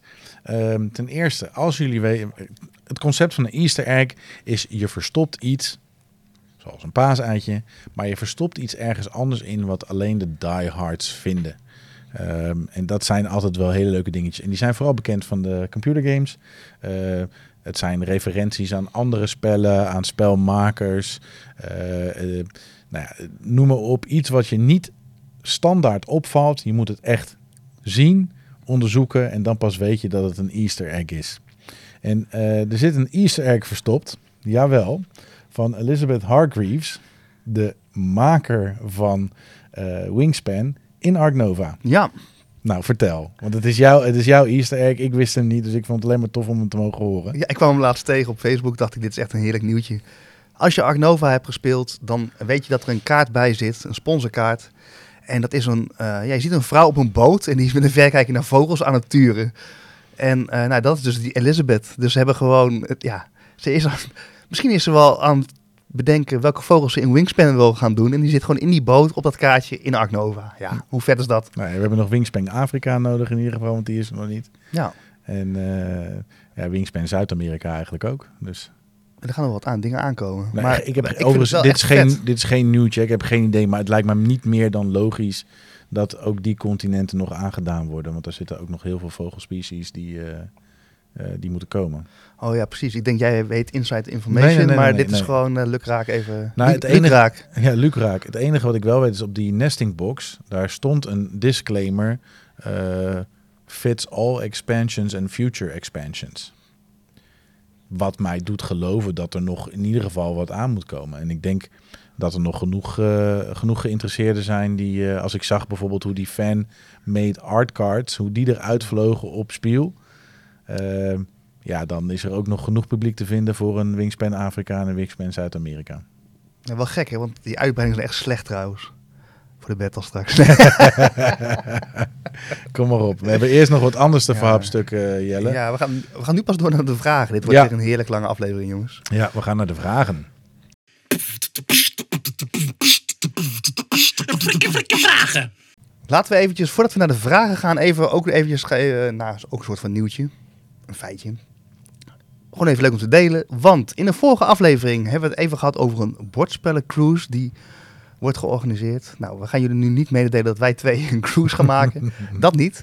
Maar eh, Hilbert Elze heeft ons gemaild dat hij naar die cruise gaat. En ons eh, zeker even wil gaan, eh, ja, met ons gaan corresponderen over hoe die cruise is geweest. Dus eh, we hebben een luisteraar gevonden die met ons wil gaan delen hoe die worstspelcruise is geweest. Ja, ik ben Vet. wel nieuwsgierig. Ik ben heel nieuwsgierig. Ja, ik ben heel nieuwsgierig. En ik heb er nog eens over na zitten denken. Als ik single was geweest en eh, niet twee banen had gehad, had ik het misschien nog wel overwogen. En niet dat het een, een cruise is voor, om, om, om te scharrelen. Maar gewoon, ik heb gewoon verantwoording naar mijn partner, naar Charlotte, die never nooit niet meegaat op een bordspellencruise. En eh, ja, dat gaat gewoon niet. Maar eh, het concept, ik vind het best wel leuk. Maar misschien omdat de spellenweekend ook genoeg is. Maar eh, Hilbert, ik ben heel nieuwsgierig wat je ervan gaat vinden. En ehm, nou, vooral wat je, hoe het met elkaar gaat. Ik ben nieuwsgierig. Misschien ontstaat er wel cabin fever. Iedereen twee dagen, dat er een heel mooi filmscript uit voortkomt. eh, dat iedereen helemaal gek wordt in twee dagen. Omdat ze opgesloten zitten op een boot met bordspellen. Dat, de, dat de pionnen beginnen te wandelen zonder dat iemand ze verplaatst en zo. nou, eh, we gaan het, ik ben heel benieuwd. Ja. Heb jij een eh, eh, eerste vraag? Ja, ik heb een eerste vraag voor je. Want Arjan Vrijland die mailde ons eh, en die had het over eh, wat onze. Die vroeg ons: wat is nou jullie tactiek om bordspellen uit te leggen? En ehm, hij vertelde daar ook een beetje over zijn eigen pet peeve. Eh, hij is iemand die het tot in detail helemaal uitzoekt en zorgt dat iedereen dan alle details van het spel, en ik, ik parafraseer natuurlijk, maar die in ieder geval heel gedetailleerd zorgt dat mensen echt alle ins en outs van het bordspel ehm, te horen krijgen. Eh, omdat hij namelijk zelf een beetje jeuk krijgt als iemand een bordspel uitlegt en zegt: We moeten gewoon beginnen, maar dan voor zijn gevoel de helft van de regels nog niet weet. Dus de vraag is: hoe doen wij dat? En om te beginnen, jij als eh, mooie playthrough-maker, hoe doe jij dat? Ja, ik denk dus dat ik daar goed in ben, maar het zou zomaar kunnen zijn dat ik dat van mezelf denk hoor. Dus, eh, eh, maar wat ik dus wel altijd doe, en wat ik mis bij heel veel andere mensen als ze mij een spel gaan uitleggen, had ik bijvoorbeeld ook bij Dobbelland, ik snap niet waar het over ging. Nee, maar dat ik eigenlijk altijd begin met het vertellen van het verhaal van zo'n spel. Dus in plaats van dat ik gelijk heel droog het spel begin uit te leggen, Je doet weer die, eh, die VR-bril Ja. op bij eh, ons dorp. Ja, maar ook in mijn video's doe ik dat ook. Van, hey, wat, wat ligt er op tafel? Wat voor wereld betreden we? Ehm, eh, ja, even als voorbeeld een Ark Nova. Hè. We gaan een dierentuin bouwen, maar niet zomaar een dierentuin. Je kunt ook gaan nadenken wat voor hokken erin gaat plaatsen. Op wat voor berggebieden, wat voor dieren. Kortom, we gaan echt eh, aan de slag. Dus ik, ik probeer mensen mee te nemen in het verhaal. Want ik heb gemerkt, als je dat doet, dat je in ieder geval de aandacht vast hebt. Ja. Eh, dus dat is denk ik wel mijn eerste tip probeer het een beetje smeuig te maken en aantrekkelijk. Dan probeer ik ook altijd de drie, vier acties. Hè. Je kan het best makkelijk kun je spellen afpellen. En dan ben ik wel iemand die dus zegt, het ziet er wat indrukwekkend uit, maar eigenlijk zijn het maar vier acties. Dat zeg ik dus ongeveer bij elk spel. Ja, ook al zijn er 30. Valt best mee, het zijn maar een paar acties. Maar ik Ja. probeer het dus wel op die manier ook eventjes ehm, inzichtelijk te maken. Dus dat je wel in concrete stapjes al kunt zien van oké, het ziet er misschien allemaal heel kleurrijk en druk uit, maar het valt best mee wat we gaan doen. Dan ben ik wel ook iemand die dat, die stap gaat uitleggen, maar misschien niet alle details gaat vertellen. Dus ik ben wel iemand die wel zou kunnen zeggen, nou dan weet je nu voldoende om te gaan spelen. En dan zien we wel, ja, ik hoor mezelf misschien wel zeggen. Maar ik doe dat wel pas op het moment als ik weet dat men genoeg vaardigheden kan hebben om het spel ook daadwerkelijk goed te gaan spelen. Mhm. Dus ik doe- ben daar niet te snel mee, denk ik. Maar ik kan het wel zeggen. Ja. Jij? Nou, ik zeg dat 100%. Ja, ik zeg 100% we moeten het gaan proberen. Want ik, zo'n catchphrase die ik wel vaker gebruik, ook als mensen in de winkel iets uitgelegd krijgen. Spelen is leren. Ehm, dat zeg ik ook een beetje vanuit mijn didactische achtergrond als docent.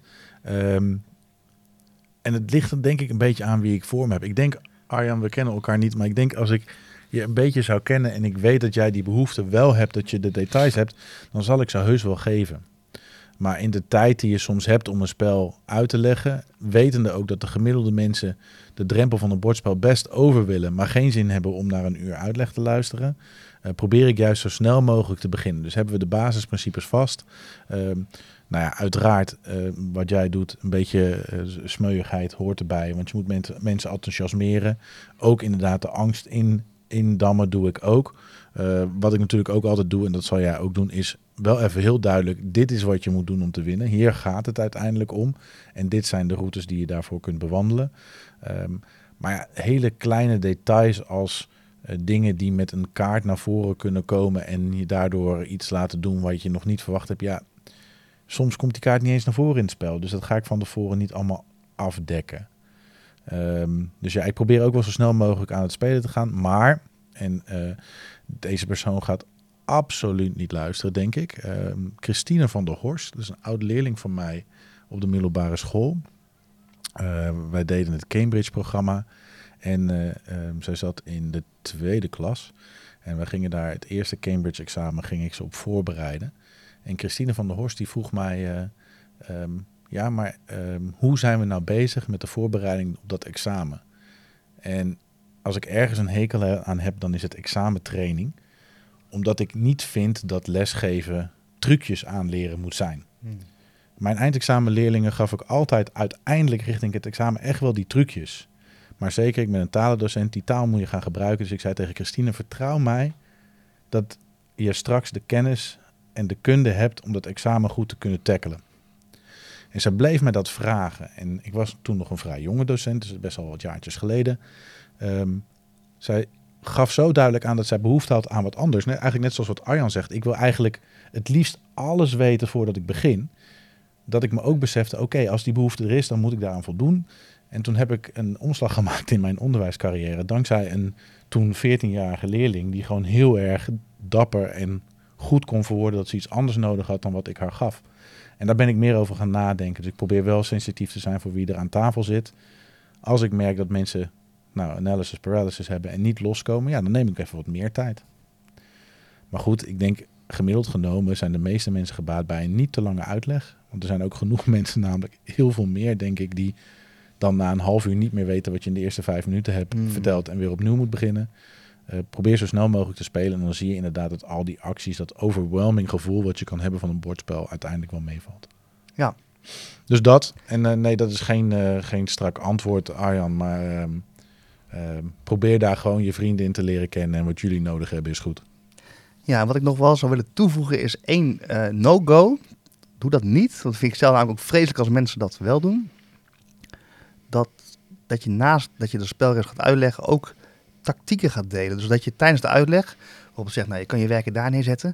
Maar als je die dan daar neerzet en je pakt die kaart, dan kun je dat ook doen. En ja, dan, dan- soms kunnen mensen helemaal verdwijnen in hun eigen tactieken. Dat je denkt, doe het. Je was hier met dit spel aan het uitleggen. Eh, dit is allemaal te veel informatie. Dus behoud het bij de uitleg en niet bij het delen van mogelijke tactieken en aanpak. Want dat mogen mensen lekker zelf gaan uitvogelen, toch? Ja. Nee, dat ben ik helemaal mee eens. Ja. Ik zou ook geneigd zijn om expres iets anders te gaan doen en diegene dan te verslaan overigens. Maar dat eh, terzijde. ja, dus eh, nou, ik hoop, eh, Arjan, dat je hier... nou, het is niet een, misschien een gouden tactiek, maar misschien kun je hier wat eh kruimeltjes uitpikken. En Ga het Ja. gewoon proberen. precies. Danny Koopmans, die heeft ook ons een mail gestuurd. En ook even samengevat zijn vraag. We gaan het vandaag natuurlijk over uitbreidingen hebben. Ben jij iemand, Luc, die een uitbreiding in zijn uitbreidingsdoos laat? Of ben jij iemand die denkt, hé, hey, laat ik die uitbreiding uit het doosje halen, in de basisdoos stoppen, scheelt mijn kastruimte en zit alles lekker compact bij elkaar. En ik gooi de uitbreidingsdoos weg. Maar die vraag heeft hij niet gesteld, maar dat vraag ik me dan nu af. Ja, en daar zit voor mij de, de, de weerstand. ik vind het heel moeilijk om een uitbreidingsdoos bij het papier te gooien. En daarom denk ik, als ik nu naar mijn eigen spellencollectie, als ik die voor de geest probeer te halen, heb ik alles gewoon in de doos zitten. Het enige waar ik dat niet bij heb gedaan is eh, Wingspan en Terraforming Mars. Die zitten met alle uitbreidingen in één en dezelfde doos. Hmm. Ja, ehm, korte antwoord. Ik laat ze voornamelijk in hun eigen uitbreidingsdoos. En jij? Ik heb helaas, even terug naar het kastenverhaal van Tjada, natuurlijk in de situatie gezeten. Ik dacht, ik heb ruimte nodig. Dus ik noem eventjes een, eh, ja, een doos van eh, het dorp De Herberg, die dus nu out of print is en gewoon ook geld waard is. Alleen die dus doos, ooit- hè? Niemand speelt al spel toch, Luc. Dus dat is inderdaad niet belangrijk wat erin zat. Nee, maar eh, dus ik heb best wel wat dozen in de loop der tijd weggegooid. Waarvan ik nu denk, oh, had ik ze maar gehad. Ik noem een ehm Terra- Terraforming Mars eh, Prelude uitbreiding.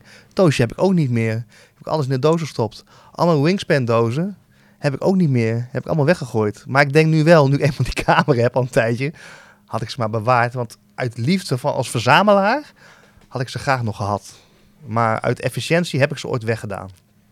Nou, iemand, ik had het er, eh, ik wist dat deze vraag dat die eh, gestuurd was. En ik heb het er ook met andere mensen over gehad. En iemand maakte op een gegeven moment de opmerking van ja, als ik een tweedehands spel koop via een Facebookgroep, een marktplaats of op een beurs. Een beurs is wat makkelijker, want dan heb je het in hand. Maar vooral als je dat online doet eh, en iemand zegt ja, ehm Everdell met alle uitbreidingen in één doos gevuld. Ja, dat kan eigenlijk al niet, met dat terzijde.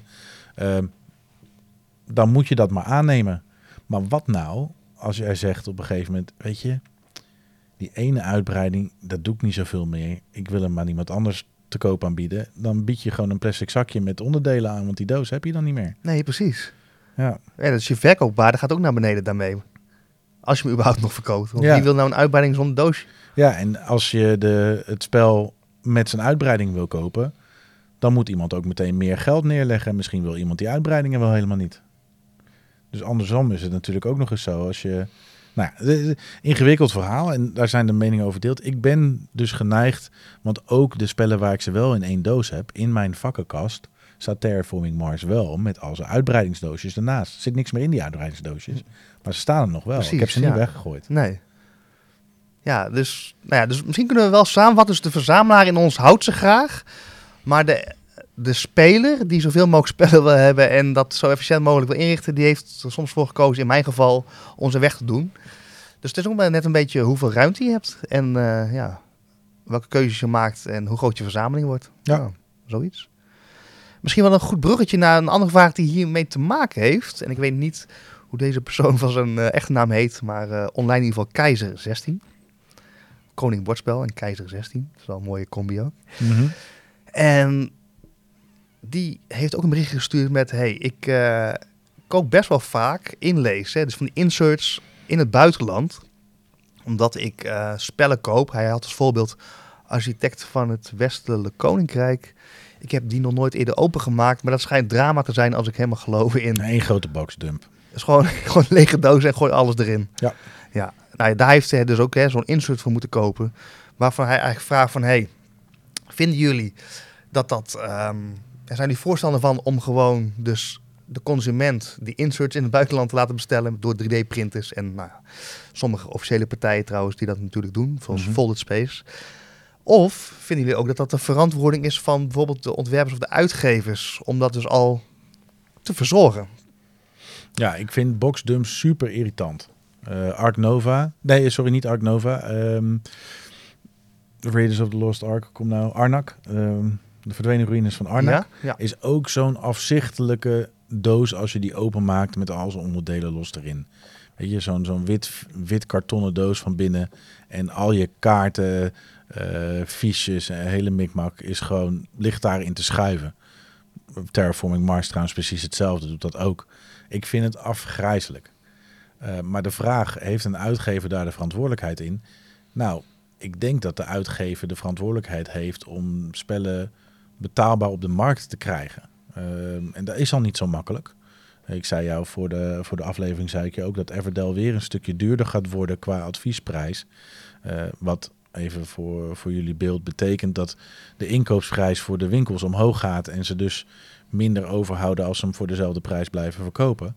Ehm, ja, er zit echt wel een grens aan wat mensen bereid zijn te betalen voor een bordspel. In ieder geval de gemiddelde speler. Een speler zoals Keizer of eh, nou, ik ken er nog heel veel meer mensen die bereid zijn om een mooie insert, want een folded space insert is ook al snel 20 euro, hè, eh, om die te kopen. ja, ben je bereid om die 20 euro al extra te betalen als de uitgever het erin doet? En dat je dus een Everdell, eh, de adviesprijs wordt 79,95, straks dus 100 euro zou zijn als de, nou ja, een Everdell heeft trouwens wel een goede inlay, dus het verkeerde voorbeeld. Maar ben je bereid om 30% meer te betalen voor datzelfde spel? Ja, dan, dan wordt het voor mensen om het te proberen, wordt die drempel denk ik te groot. Dus ik denk dat de afgelopen jaren dat steeds meer is verdwenen, omdat eh, uitgevers gewoon de kosten moeten drukken. Ja. Ja, dat, dat, dat zei je natuurlijk ook voor de uitzending. Dat ik, ja, daar heb je eigenlijk helemaal een punt dat het gewoon te duur wordt. Dus ja, ik zou het heel graag willen dat ik dan inderdaad zo'n eh, zo'n doosje opentrek. En sommige spellen doen het inderdaad eh, enorm goed. Uh, een Ark Nova heeft al trace gewoon erbij. Dat is Ja. niet, niet eens de deluxe editie, maar dat is al gewoon eh, zo. Ehm, ja, dus dat is, sommige spellen hebben dat. Maar als je dat overal zou willen hebben, dan eh, wordt, het, wordt het echt onbetaalbaar. Ja, maar een Ark Nova is natuurlijk ook al gewoon 80 euro.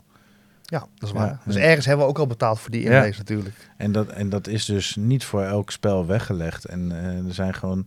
eh, kijk, op het moment dat bepaalde uitgevers een spel uitbrengen, dan zijn er mensen die eh, al wel aangaan omdat het uit die koker komt. Maar ja, een, een wat kleinere spellenontwikkelaar moet op dat soort dingen letten. Wil je hem verkoopbaar maken? En een mooi voorbeeld vind ik de Stilt. Die zit er super. Het is een hartstikke duur spel, maar die heeft het voor elkaar gekregen om eh, toch een plekje op de markt te veroveren als, eh, ehm, als uitgever zijnde. En ik denk dat dat komt omdat ze zo'n mooie luxe uitvoering in die doos hebben zitten met allemaal Mm. trays en het ziet er allemaal netjes uit, het past perfect. Eh, maar ja, dan ben je dus ook 100 euro verder voordat je dat spel kunt aanschaffen. Ja. En er zit nog wel een ander punt natuurlijk bij, en dat is smaak. Want we noemen al een folded space. Ja, dat is, eh dan moet je overigens ook zelf in elkaar gaan zetten met lijm. Ik heb zelf een Arnak insert van folded space. Eh, Veldher, Veldher? ja, die, Oh, die de- triplex ja. jongens. Klopt. Ehm, maar dat is vrij basic. Hè? Dat is gewoon grijs en dat is gewoon, het werkt, dat is effectief. Maar ik heb wel eens verteld over mijn Cascadia insert, die ik van Tower Rex heb. De mensen uit Oekraïne volgens mij. Ja, dat is echt mooi met hout eh ingelezen en zo. Ja, je hebt dus ook nog wel levels in hoe mooi inserts zijn. Ja, Dus als we even fantaseren in een scenario dat de ontwerpers dat allemaal gaan maken, ja, dan zit je er wel mee opgeschreven. Terwijl er nu een hele creatieve business omheen hangt van sommige professionele partijen, maar ook op Etsy mensen die gewoon Mhm. lekker hun eigen creativiteit met 3D-printers eh, laten gaan, waarin je soms veel mooiere inserts kunt krijgen. Um, en ik zie dat ook wel eens een beetje als een soort van ja, bijkomstigheid van de hobby. Dat, nou, een Cascadia heb ik een totaal onnodige insert voor gekocht. Maar ik, ik heb hem van de week nog op tafel gehad. Het is een feestje om naar te kijken. Dus het is ook een soort van, ja, eh, ja het is een onderdeel van mijn spelbeleving, zeg Ja. maar. Voor sommige topspellen uit mijn collectie vind ik het gewoon leuk om die net eventjes eh, aan te kleden. Een beetje alsof je, ik, ik heb geen hond, maar je hebt toch mensen met een chihuahua. Ja, die doen er soms een jasje aan of een dingetje op. Totaal niet nodig. Het ziet er leuk uit. Ja, stel je voor dat je Oh. alle hondenliefhebbers, Jelle, die zeggen nu dat is wel nodig. Die honden kunnen hun eigen warmte niet goed reguleren. Je snapt het weer niet. Ai, ai, ai, ai, ai, ai, ai. Dus eh, ja, nee, ja, inderdaad. Ja, dat ga je. Het is Nee, niet maar- alleen voor de, ook voor de mooiigheid, hè? Maar goed, dat is een ander onderwerp. Ja, ja. Honden en jasjes. Maar stel je voor, je koopt een pup en die heeft een standaard jasje aan die niet uit kan. Ja, ja dan, dan, zit je dan- ermee. dan zit je ermee. Dus ja, ik, ik ben ook wel voorstander van het scenario wat het nu is, zodat de creativiteit van makers gewoon kan opleven. Ja, en ik denk nog veel belangrijker op het moment dat de, de prijzen zoveel mogelijk betaalbaar blijven, ehm, is, betekent dat het toegankelijk is voor mensen. Maar dat betekent ook dat de markt zo groot is zoals die zich in de afgelopen twintig jaar heeft ontwikkeld. Hè? Want laten we niet vergeten dat eh, pre deze eeuw ehm, nou, er gewoon niet zoveel keuze was voor de bordspelliefhebber als nu. En dat komt ook omdat er heel veel mensen aangaan. En nee, dat is niet gekomen door corona mensen. Eh, maar goed, ik gok dat onze luisteraars dat al wel langer wisten. Die, die hobby die is in de afgelopen 15, 20 jaar zo ontzettend ontploft. En dat komt ook omdat de smeerolie van de spellen, alle kleine betaalbare dingen die uitgevers uitbrengen, op iedere keukentafel liggen, als verjaardagscadeautje gekocht worden, noem maar op. Die zorgen ervoor dat de uitgevers het geld hebben om zich te blijven ontwikkelen. En op het moment dat het een echt een niche wordt, ehm, ja, dan zullen bepaalde nou ja, de, de, de mensen zoals jij en ik echt wel aan hun trekken komen. Maar dan wordt de business uiteindelijk denk ik kleiner. Mm, En dat, dat zou zonde zijn. ja. Dus eigenlijk gewoon lekker zo door blijven gaan. Ja, ik denk, ik denk het wel. En ligt het binnen het budget en kun je nog steeds een mooi spel voor rond de 5, 6 tientjes aanbieden. En het is nog netjes qua inlay, doe het vooral. Want ik denk dat daar echt de meerwaarde is ook van hoe mooi je spel blijft. Ehm, maar moet je van die 6 tientjes eh 80 of 90 euro maken, ja, dan, dan, dan nee. De mensen die er dan echt van houden, moeten dan lekker een insert kopen die bij hen past. Helder. Gaan we eventjes een, een- ja, eigenlijk reageren we, we krijgen natuurlijk best wat feedback. En soms zit er een zinnetje bij waarvan we denken, die moeten we toch nog eventjes gewoon even in de podcast even aanhalen, want dat klopt gewoon niet met de werkelijkheid. Dus ik weet niet of dit nou verdediging is, maar misschien toelichting. Eh, Patrick Bolwijn heeft ons echt een heel uitvoerig bericht gestuurd met allemaal ideeën voor de uitzending. Dus dank daarvoor. We zullen daar zeker ook in de toekomst eh, gebruik van gaan maken voor jouw lijstje. Absoluut. Uh, maar je zei ook wel iets interessants. Dat je hè, in jouw beleving dat we wat spellen benoemen vaak in deze podcast. ehm, waarvan jij denkt dat we die vooral benoemen omdat die goed verkopen in plaats van wat wij nou eigenlijk zelf leuk vinden. En toen dacht ik, uh, dachten we eigenlijk alle twee van, wow, dit is eigenlijk helemaal niet wat wij doen, hè? Niet wat ik voel in ieder geval. Nee. En tuurlijk, ik, ma ik maak soms echt wel een opmerking over wat het goed doet in de winkel. Want dat is natuurlijk ook input die ik meekrijg. Ehm, maar als je ooit bij mij in de winkel bent en je zult mij vragen naar een spel wat ik zelf niet leuk vind, ga je dat ook echt van me horen. En eh, dat wil niet zeggen dat het een slecht spel is, dat zeg ik er ook altijd bij. Maar smaken verschillen en ik probeer eigenlijk zoveel mogelijk vanuit mijn eigen ervaringen en speelgenot eh, dingen te delen. En zeker in de podcast. Want ja, nogmaals mensen, dit is gewoon eigenlijk een uit de hand gelopen grap. Hè? We vinden het gewoon leuk om over bordspellen te kletsen. En, eh, en, en dat is het gewoon. En wat het allemaal doet en de interactie met jullie, super tof. Daarom blijven we ook lekker doorgaan.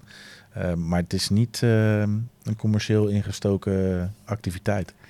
Nee, waarschijnlijk is het wel zo dat onze smaak dus wel wat meer in die medium lijn ligt, zeg maar. Denk ik. Ja, misschien wel. Misschien zijn wij gewoon heel mainstream. Dat is het. ja. ja.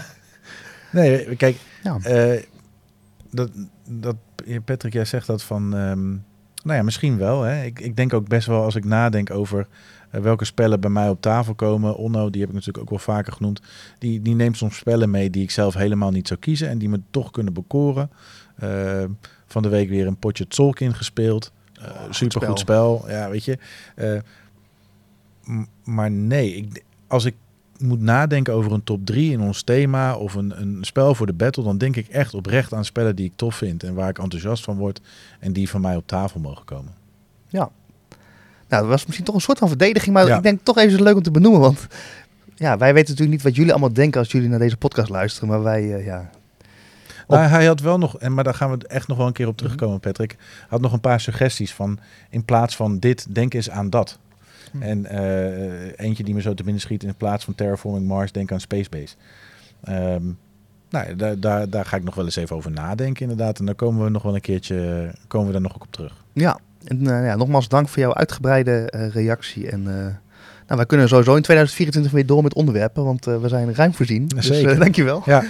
Hey, en ik had ook nog een vraag van uh, Niels van Seter. Ga ik even vanuit dat ik hem zo uitspreek. Uh, naar aanleiding van onze spelgemechanismes hadden we het natuurlijk over backbuilders. En hij zei, als we moeten kiezen, Wonderland's War of Kwakzalvers?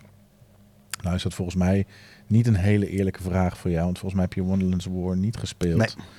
Nee. Um, dus ik, heb, je, heb je een voorkeur als je zo naar de spellen kijkt? Kwakzalvers heb je wel gespeeld. Nou, het is een interessante vraag. Want ik, ik ben dus heel benieuwd. Ik vind kwakzalvers vind ik leuk. Mm -hmm. Maar is wel vrij medium. Dus ik ben wel benieuwd. Hè, een, een, andere titel die wel eens voorbij is gekomen is Orleans. Ook een backbuilder. Ik heb eigenlijk nog nooit een backbuilder gespeeld die wat zwaarder werd. Dus wellicht uh, is dat een Wonderlands War, War. heet die? Ja. ja. Um, of een Orleans. Hè? Dus ik ben daar wel heel erg nieuwsgierig naar. Dus als ik zou moeten kiezen nu, hè, je zou het nou aan me vragen, dan zou ik uh, zeker voor Wonderlands War gaan. Hm. Nou, de grappige alle drie heb ik gespeeld. Dus als je Orleans er ook nog bij haalt. Mm. En ik word van alle drie enthousiast.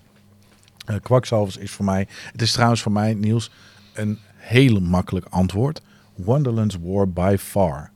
Dat is, ik heb zelfs nog, hoewel ik het spel al heb, nog zo getwijfeld bij de relaunch op Kickstarter om toch nog even volle bak 300 nog wat euro neer te tellen om de, de luxe versie te bestellen. Ik heb me kunnen beheersen. Maar zo tof vind ik Wonderland's War dus. Ehm, by far. De sfeer, als je het hebt over een sfeer op tafel leggen. De sfeer van Alice in Wonderland. En dan vooral de donkere kant van dat Mm. verhaal. Eh, de area control die erin zit. De backbuilding eh, mechanisme wat erin zit. Eh, hij is beetje bluffen, een beetje kijken of je je tegenstanders kunt verleiden om hun, eh, hun legertjes, hun mannetjes te verplaatsen naar een bepaald gebied, wetende dat je eigenlijk stiekem daar toch niet gaat vechten. Ik vind hem schitterend.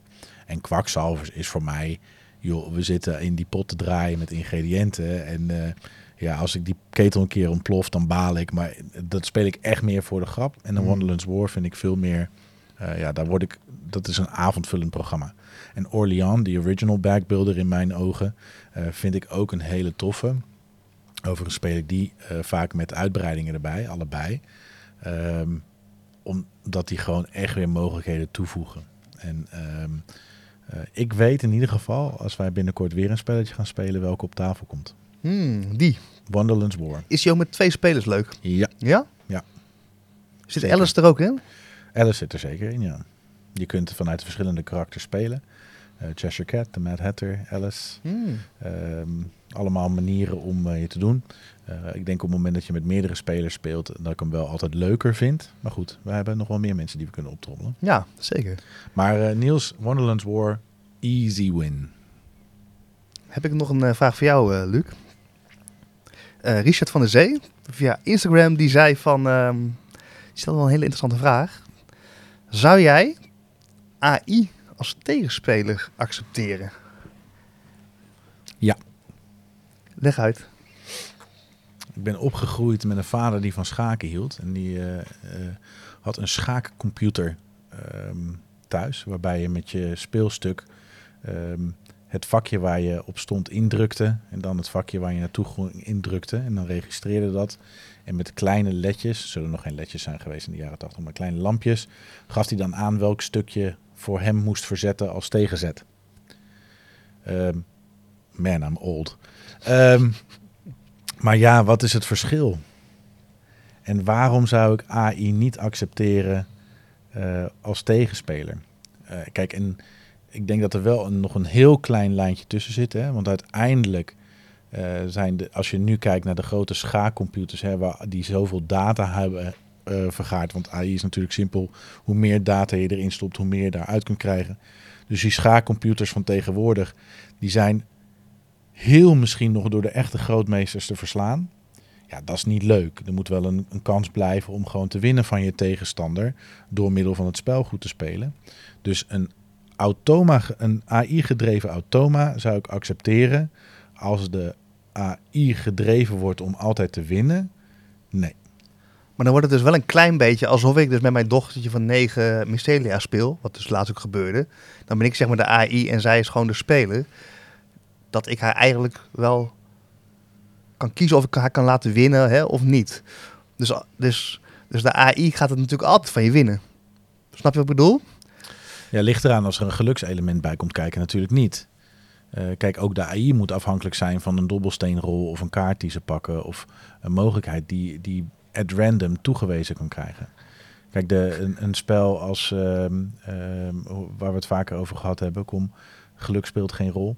Ehm Gaia Project. Gaia Project, dankjewel. Over, Eh, overigens, heel veel onderbreking. Sorry dat ik dat doe. Er zijn ook nog heel veel reacties gekomen over dat Gaia Project zeker niet het enige spel is wat dat heeft. Bijvoorbeeld een schaken heeft dat ook niet bijvoorbeeld. En er was nog een hele waslijst. Dus nee, inderdaad, Gaia Project is niet het enige spel, maar is wel een voorbeeld van een spel die dat heeft. Ja, maar de echte schakers zouden schaken ook niet als spel zien, maar als een discipline. Dus eh, steek die maar in je zak, luisteraars. Eh, schaken is inderdaad geen spel, want daar speelt ge- geluk geen rol, maar is een discipline. Eh, nou, ehm, ik heb geen idee. Oh ja, dus als een, een spel eh, de geluksfactor zoveel mogelijk heeft beperkt, dan zal AI altijd als doel hebben om te winnen. Ja, dan is het ook niet leuk meer. Het is hetzelfde als eh, dat ik tegen de vrouw van Onno bepaalde spelletjes speel. Want die wint altijd. Die, die kan bepaalde spellen, heeft zij zo goed door, Angela. Ehm, dat is gewoon niet grappig. Je maakt echt geen kans. En uh, nou vind ik, kan, ik kan prima tegen een verlies. Dus ik speel ze nog wel. Maar ehm, er moeten gewoon eerlijke kansen zijn. En als AI, AI gedreven is om je kapot te maken, uh, dan, ja, dan hoeft het voor mij niet. Is het een AI-gedreven automa, dus die het spel tegen je, zodat je een virtuele tegenstander hebt, ja, dan mag dat van mij. Ja, dan heb je bijvoorbeeld op, uh, is er wat kijken op Board Game Arena bijvoorbeeld, heb je natuurlijk ook al online, hè, dat je dan ook digitale versies speelt. Ja. Maar ik heb vandaag weer de proef op de som genomen, want ik heb AI, dus ChatGPT, heb ik gevraagd of die deze rol zou willen vervullen. En dat is grappig, dat wil je dus niet, want hij is ervoor om vooral op taalgebied, dus uh, ons als mens te ondersteunen en verder te helpen met vragen. En niet om ja, een soort van een apart individu te zijn. Dus hij verwijst wel naar schaakprogramma's. Mm. En hij heeft zelfs naar Board Game Arena verwezen, als ik oh, toch graag wil spelen. Ja. Dus dat is grappig. Hè? Zover zijn ze dus al, dus dat weet hij mij dan wel te zeggen. Maar ik kreeg ChatGPT niet zo ver dat hij ook daadwerkelijk uh, met mij een spel zou willen spelen. Omdat hij niet dus uh, daarvoor gemaakt is, zegt hij nu. Uh, wat, ik overigens, wat ik overigens nog wel... Kijk, je weet ondertussen van mij wel dat mijn brein is af en toe wat ruimdenkender als een gemiddeld mens. Of die gaat wel eens met mij in de haal. Ik heb wel eens momenten dat ik kan denken... Maar wacht eens even misschien zit ik al in een simulatie. En ben jij, Luc, bijvoorbeeld al AI. en heb ik laatst dan met de AI een spelletje gespeeld. glitch, glitch, Weet je wel, ja. Misschien was het al zo. Ja, Truman Show all over Precies, again. ja. Oh, grappig. Ik, ik hoop niet, ik stiekem hoop ik niet dat mijn studenten luisteren. Aan de ene kant zou ik het wel grappig vinden. Maar ik wil ChatGPT een van mijn colleges laten schrijven. Uh, en dat ik, uh, ik ga daar de input geven dat nodig is. En dan ga ik niet dit collegejaar doen, maar volgend collegejaar. Uh, daar ben ik mee bezig. Dat ik ChatGPT de prompts ga geven om mijn college te schrijven voor me. En dat ik hem ook ga uitvoeren zoals ChatGPT hem uiteindelijk oplevert. Hmm. En ik ben dan nieuwsgierig in de nabespreking. Ga ik dan het gesprek aan met mijn studenten. Dat zal een vakdidactiek uh, les zijn. Om te kijken of ze dat überhaupt doorhebben. Ja, precies. Want ik kan me haast niet voorstellen dat het nog volledig authentiek bij mij is als ik het door ChatGPT heb laten schrijven. En dat is natuurlijk de discussie. Je kunt het als inspiratiebron gebruiken en het kan je op weg helpen met bepaalde dingen. Uh, maar uiteindelijk moet je je eigen kleur toch ook nog wel ergens kwijt. Ja. Ja, leuk, het leuke ontwikkelingen wel. Maar toch vind ik het nog steeds wel, als ik dus nadenk op, op spelgebied. Want bijvoorbeeld het spel Go, hè, je hebt natuurlijk schaken, maar je hebt dus ook Go. Dat is volgens mij nog Het grote Chinese gokspel. Precies. Nou ja, dat, de AI heeft daar ook de mens in overtroffen. Hè? Dus, dus zeg maar, de computer wint dat nu van de mens. Ja. De beste speler, Go, de beste Go-speler wint het niet van de computer. Dus ergens kom je op het punt dat je dus moet vaststellen, oké, okay, wij, ja, wij zijn gewoon tot ons, tot ons limiet gekomen. Dus hoe leuk is het dan nog om tegen de AI te spelen? Dat bedoel ik. Als Ja, ik ons- tegen jou Dobbeland speel, dan weet ik dat er een reële kans is dat ik win. Hoewel jij met al je ervaring waarschijnlijk weet dat die kansen veel kleiner zijn dan dat ik van tevoren denk. Uh, maar het, het maakt het leuk dat ik weet er is een kans. Maar als ik weet dat jij zo bent ingesteld dat jij ten alle tijde van mij van Dobbeland gaat winnen, dan ga ik liever uh, dus met de echte Luc spelen als met de geprogrammeerde Luc. Ja, snap ik. Dus dan gaat er wel een stukje van de lol eraf. Ja, dat, dat, dat denk ik ook. En uh, um, ja, jij zegt nu van de beste Go-speler kan niet meer van de computer winnen. Ja, ons werkgeheugen is gewoon veel beperkter dan de snelste computer. Precies, De- ja. het, het schakelen tussen alles wat wij weten. Ik denk dat er genoeg grootmeesters in het schaken zijn en genoeg Go-spelers zijn die alle zetten ook kunnen doordenken, maar niet met dezelfde snelheid als dat een computer dat kan. Precies, ja. Ja, dus jij zegt ja, met een begrenzing daarin dat die je af en toe laat kunnen winnen. Ja. Ik ben toch, ja, ik ben wel echt, ik word Nou, nou, wacht even. Nuanceverschil. Laten winnen. Nee, nee, nee, nee. De AI moet een, een speler sturen. Een, een, fictieve tegen, een fictieve tegenspeler sturen. En eh, die speler moet gewoon binnen de keuzemogelijkheden die voorkomen, de juiste keuzes maken. Dus als ik 6 gooi als AI, dan doe ik dat op dat moment dat mee. Als ik deze set kaarten in mijn hand heb, tot mijn beschikking heb, dan doe ik dat in deze volgorde. Ehm, maar niet, ehm, nou ja, d- dat, dan zit er dus een geluksfactor in. Dus nee, laten winnen, dat, dan zou ik het niet willen. Dan wil ik er eigenlijk niet tegen spelen.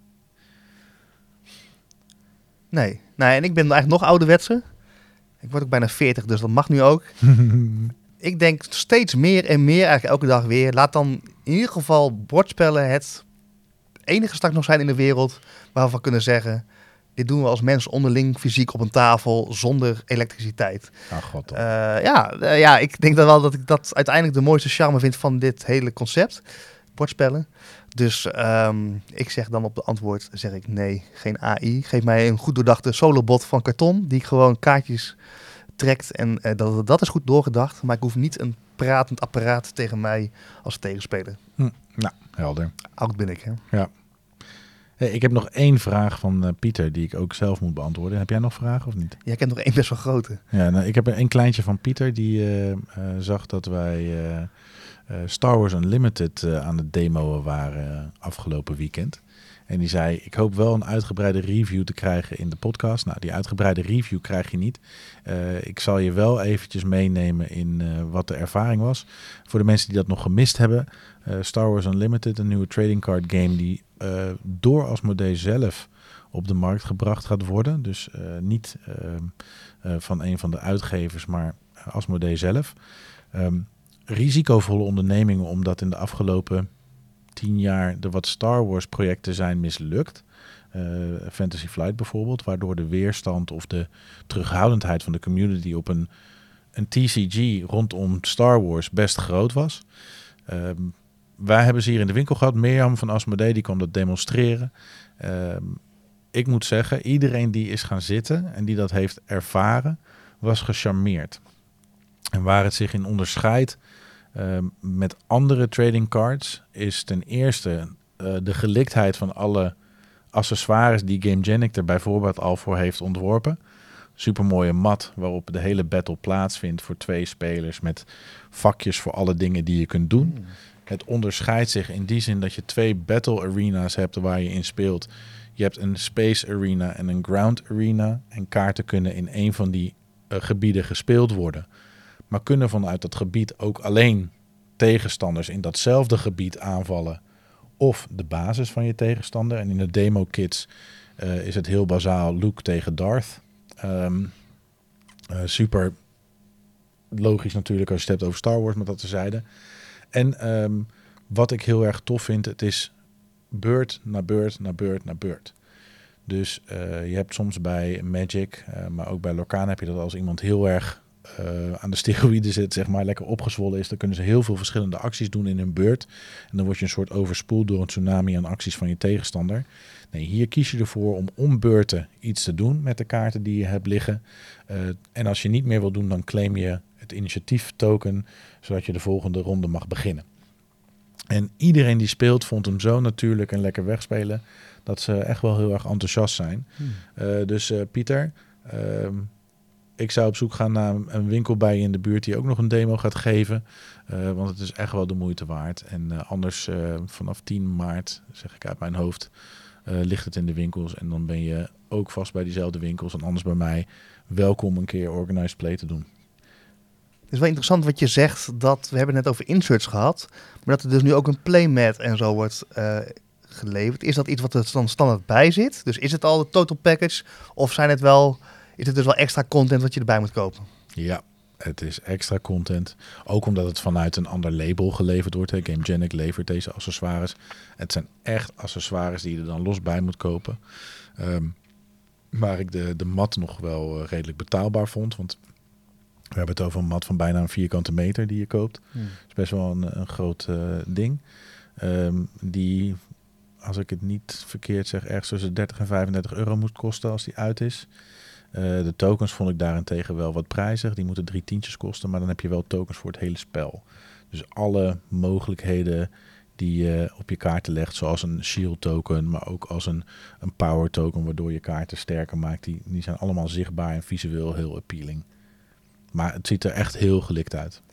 Hey, waar ik nog wel even nieuwsgierig naar ben, is dat ik als eh, ja, geen Star Wars liefhebber, hè, ik heb alles geprobeerd in elk vezel van mijn lichaam, maar het gaat gewoon niet worden. Denk jij dat eh, mensen die de Star Wars daar eigenlijk niks mee hebben, dat, die wel, dat dit wel zo origineel genoeg is qua gameplay dat het aantrekkelijk kan zijn? Nee. Ik denk als je Star Wars niks vindt, eh, de gameplay is zeker aantrekkelijk. En ik denk dat mensen die het spelen ook denken van, goh, leuk mechanisme. Ehm, maar je moet wel echt wat met Star Wars hebben. Ja, en ik, daarom twijfel ik ook heel erg. Ik heb dat ook tegen Asmodee gezegd. Ehm, gaan hier mensen voor te vinden zijn? Ja, 100%. Want er is een grote Star Wars community die eh, dit heel erg tof vindt. Eh, gaan het voornamelijk mensen zijn van mijn leeftijd en ouder? Dat denk ik wel. Omdat eh, die Star Wars liefde van die, die, die mensen uit de jaren 70, 80 is anders dan de, Star Wars liefde van de afgelopen jaren, van de series. Ehm, ik vraag me af. Ik denk, in Amerika wordt het een gigantisch succes. Dat durf ik wel te zeggen. Daar is de fanbase van Star Wars zo groot. Dat gaat echt wel goed komen. En zo zullen er nog wel wat landen zijn. In Nederland heb ik daar mijn twijfels over. Want ik weet niet of de fanbase groot genoeg is. Ja. Ja, en het heeft misschien ook net wat minder als bijvoorbeeld wat Locana wel heeft. Hè. Ik ben ook niet een gigantische Disney-liefhebber, maar toch... Hè, De ja, herkenbaarheid is veel groter Ja, van de herkenbaarheid is groter inderdaad. Ja, dus...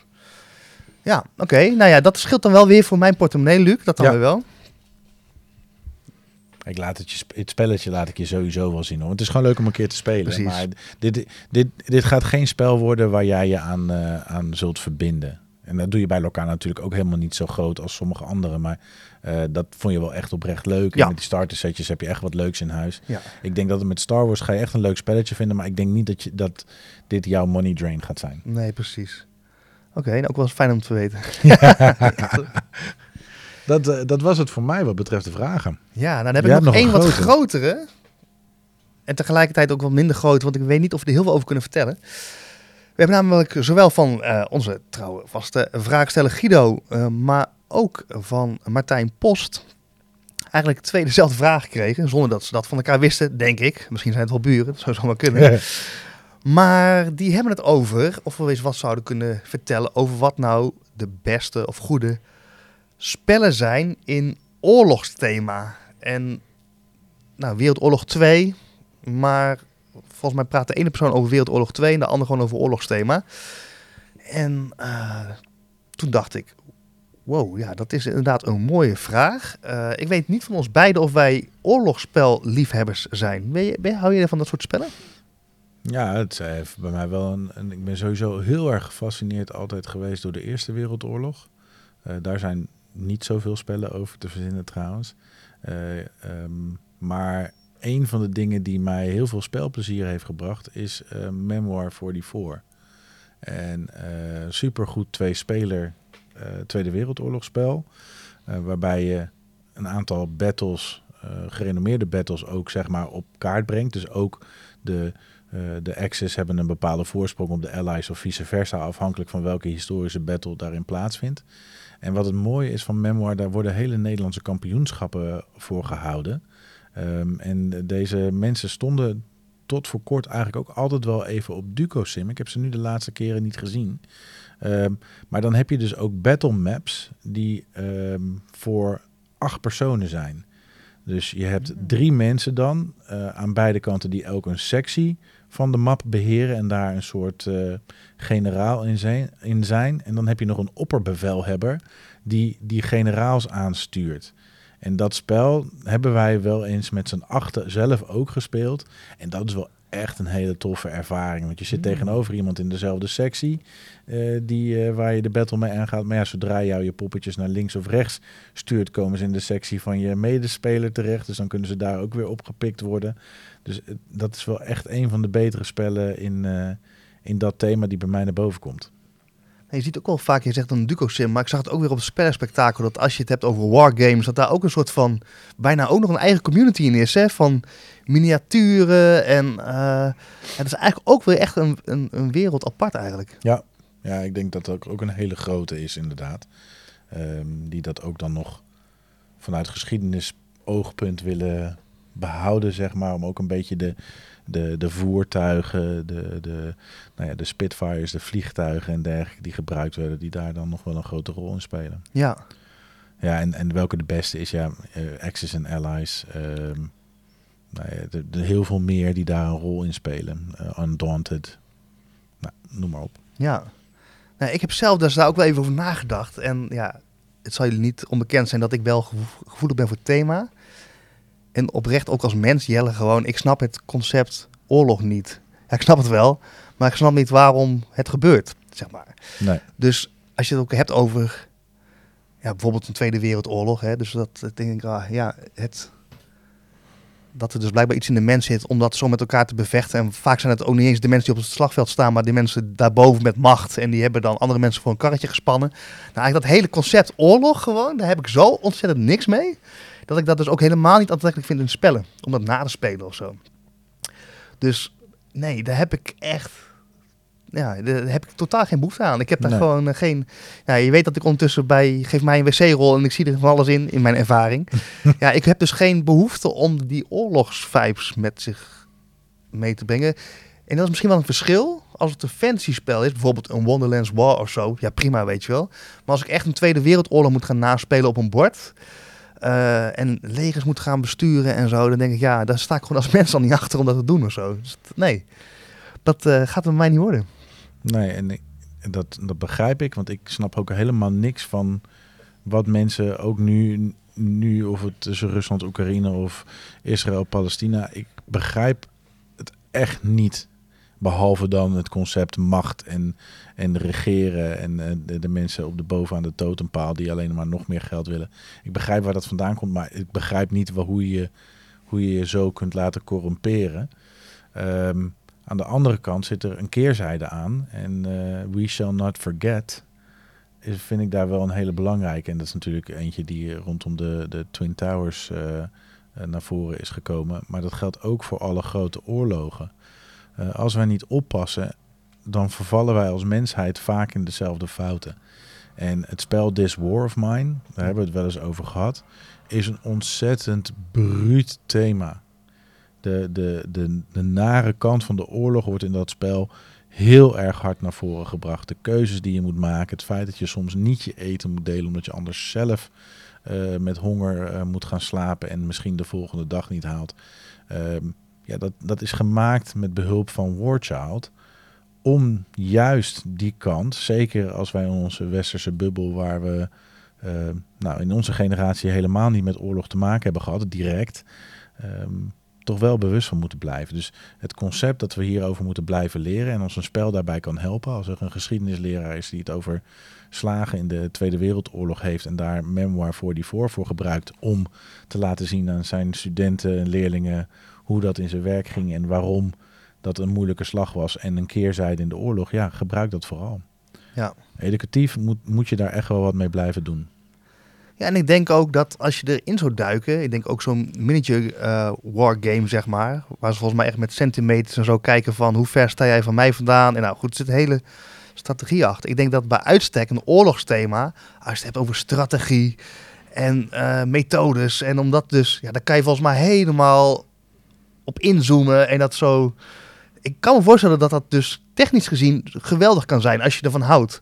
Dus ik denk wel dat het een perfect thema is om dus speltechnisch gewoon hele gave spellen, bijna simulators van te maken, eh, om dat voor elkaar te krijgen. Alleen ik persoonlijk haak gewoon af op het thema oorlog. Ja. Maar als je dan This War of Mine weer zegt, dat speel ik dan wel weer. Maar dan ben ik dus die andere rol. Dan ben ik niet de agressor die oorlog uit. Ah, daar, daar gaat het jou vooral om. Ja, nou, dat, kan ik begrijpen. Ja. Dus eh, ja, ik heb overigens wel even, omdat ik dacht, ja, het is een beetje lullig dat, ik, dat we hierover gaan praten en dat ik dan inderdaad weinig zinnigs te zeggen heb over titels. Maar ik heb dus even vandaag op het internet rondgespeurd en eh, vond ik overigens wel interessant. Toen dacht ik, oh, dat wordt dus blijkbaar ook onder oorlogsspellen eh, verstaan. En toen dacht ik, oh, dan vind ik oorlogsspellen toch ook wel weer wel leuk. Bijvoorbeeld Root. Dat is ook een soort van oorlogsspel, maar dan Ja. met bosdieren. Zeker. Dat is grappig, hè? Dus dat vind ik dan wel weer leuk. Alleen, dat komt dat het dan weer bosdieren zijn. Dat Ja, is dus dan battle ga je niet uit de weg, maar het moet niet. eh, het, heeft het te maken dat je eh, het gevoel hebt dat ehm, de oorlogen, de, de pijnlijke situaties uit de geschiedenis verheerlijkt worden of zo? Is dat iets wat je probeert te vermijden? Ik hoef het niet na te spelen of zo. Ja, maar wordt het verheerlijkt als mensen dat naspelen? Voor jouw gevoel, hè? Nou ja, ik Misschien wel, ja. Ja, dus het... eh, ja, er zit weer, ja, ik weet niet waarom er weerstand op zit. Maar inderdaad, als je bij wijze van spreken... Terwijl vroeger speelde ik ook gewoon hè, eh, soldaatje en zo, weet je wel. Misschien ook, ging elkaar ook neerschieten. Eh, maar toen was ik natuurlijk nog een kind. Nu ben ik oud en volwassen. En denk ik van ja, nee, dat... ehm, ja, nee. Nou, daar vroeg iemand van de week eh, of wij ook eh, Secret Hitler verkochten. En eh, dat verkoop ik dus bewust niet. Hmm. En dat heeft helemaal niks met oorlog te maken. En het is eigenlijk gewoon een hidden role game. Ehm, ik heb het spel wel eens gespeeld en het zit. Het is een prima social deduction role-playing game. ehm, waarvan ik snap dat mensen het interessant vinden om het te spelen. Maar ik vind het dus niet oké om iets met de naam Hitler op, erop in de winkel te hebben. Nee, Vind ik gewoon niet oké. nee, snap ik. Ja. Ik snap die keuze. En misschien om mijn voorbeeld, ik heb het laatst meegemaakt in het leven en dan gaan we daarna weer verder naar een luchtig onderwerp hoor. Maar eh, ook rondom het nieuws, nu wat je dan ziet. En ik, ik was met iemand in gesprek en die kwam echt vol plezier, liet hij mij een video zien eh, van een oorlogssituatie waarin volgens mij een Russische tank gewoon echt binnen no time pff, was weg. Maar gewoon het plezier in die persoon zijn ogen van kijk, de vijand is, weet je wel zo. En, en ik kan er echt naar kijken, maar dat is dus blijkbaar mijn blik op de wereld. Ik denk, ja, daar zitten ook gewoon mensen in en die zijn ook ergens opgetrommeld. Ja, dat Ik, doet mij er komt bij mij geen vlammetje of zo. Dat, en, en blijkbaar, eh, ja, dus, dus daar zit een soort van, dat ik denk, ik wil daar gewoon überhaupt niks mee te maken hebben of zo. Ik vind het, dat ga ik zeker niet naspelen. Snap je? Nee. Nou ja, en, en ik weet niet hoe dat met jouw opvoeding te maken heeft, maar mijn vader was echt een hele duidelijke pacifist. Eh, die is ook, denk ik, de, een van de weinigen in Nederland die eh, in dienst is gegaan en het niet verder heeft ge- geschopt dan soldaat 1. Ik geloof dat als je lang genoeg in dienst was, je automatisch soldaat 2 werd. Eh, omdat hij zijn verkeerde oog dicht deed bij de schietoefeningen. En heel eerlijk, ik kan het hem niet meer vragen, maar ik, ik bedenk wel eens dat, ik, dat hij het misschien wel expres deed. Want hij, hij wilde dat helemaal niet. Nee. Nee, en zo heeft hij mij opgevoed. Hij had er, ik mocht ook geen speelgoedpistolen hebben vroeger. Eh, dat was echt een no-go. Als dat moest iemand mij niet cadeau geven, want het ging gewoon weg. Hmm. En eh, hetzelfde met zakmesjes of dat soort dingen. Dat mocht ook echt niet. Ik heb toen het zakmes van mijn opa eh, georven, geërfd. Dat mocht ik hebben, maar dat mocht in een laadje op mijn kamer liggen als erfstuk en aandenken aan mijn opa. Maar niet, nee, dat mocht absoluut niet in mijn zak verdwijnen. Hmm. En nee, dat daar was hij echt heel, heel, heel erg duidelijk over. En dat heeft wel zijn invloed eh, op mij achtergelaten. En, Ja. eh, wat jij zegt, ehm, beeldmateriaal over een oorlog. Uiteindelijk, de mensen die de oorlog eigenlijk willen vechten, die zitten niet in die tank. Hè? Precies. En zijn er hufters die eh, in het leger zitten en ehm, daar individuele keuzes maken en schoften zijn? Ja, 100%. Maar ik denk dat de meeste gewoon beroepsmilitairen zijn of dienstplichtigen, zeker in zo'n eh, eh, Rusland-Oekraïne-conflict, maar ook in Israël-Palestina. Eh, ik snap, ik, nee, ik kan daar niet, ik kan er niet om juichen. ondanks dat ik soms best wel een voorkeur heb voor een, een zijde in de conflicten. Nee, dood en geweld zal ik nooit met enthousiasme begroeten. Nee. Nou, liggen we redelijk op één lijn, denk ik, daarin. Maar goed, om toch eventjes een rijtje op te sommen van goede spellen volgens het internet. Mhm.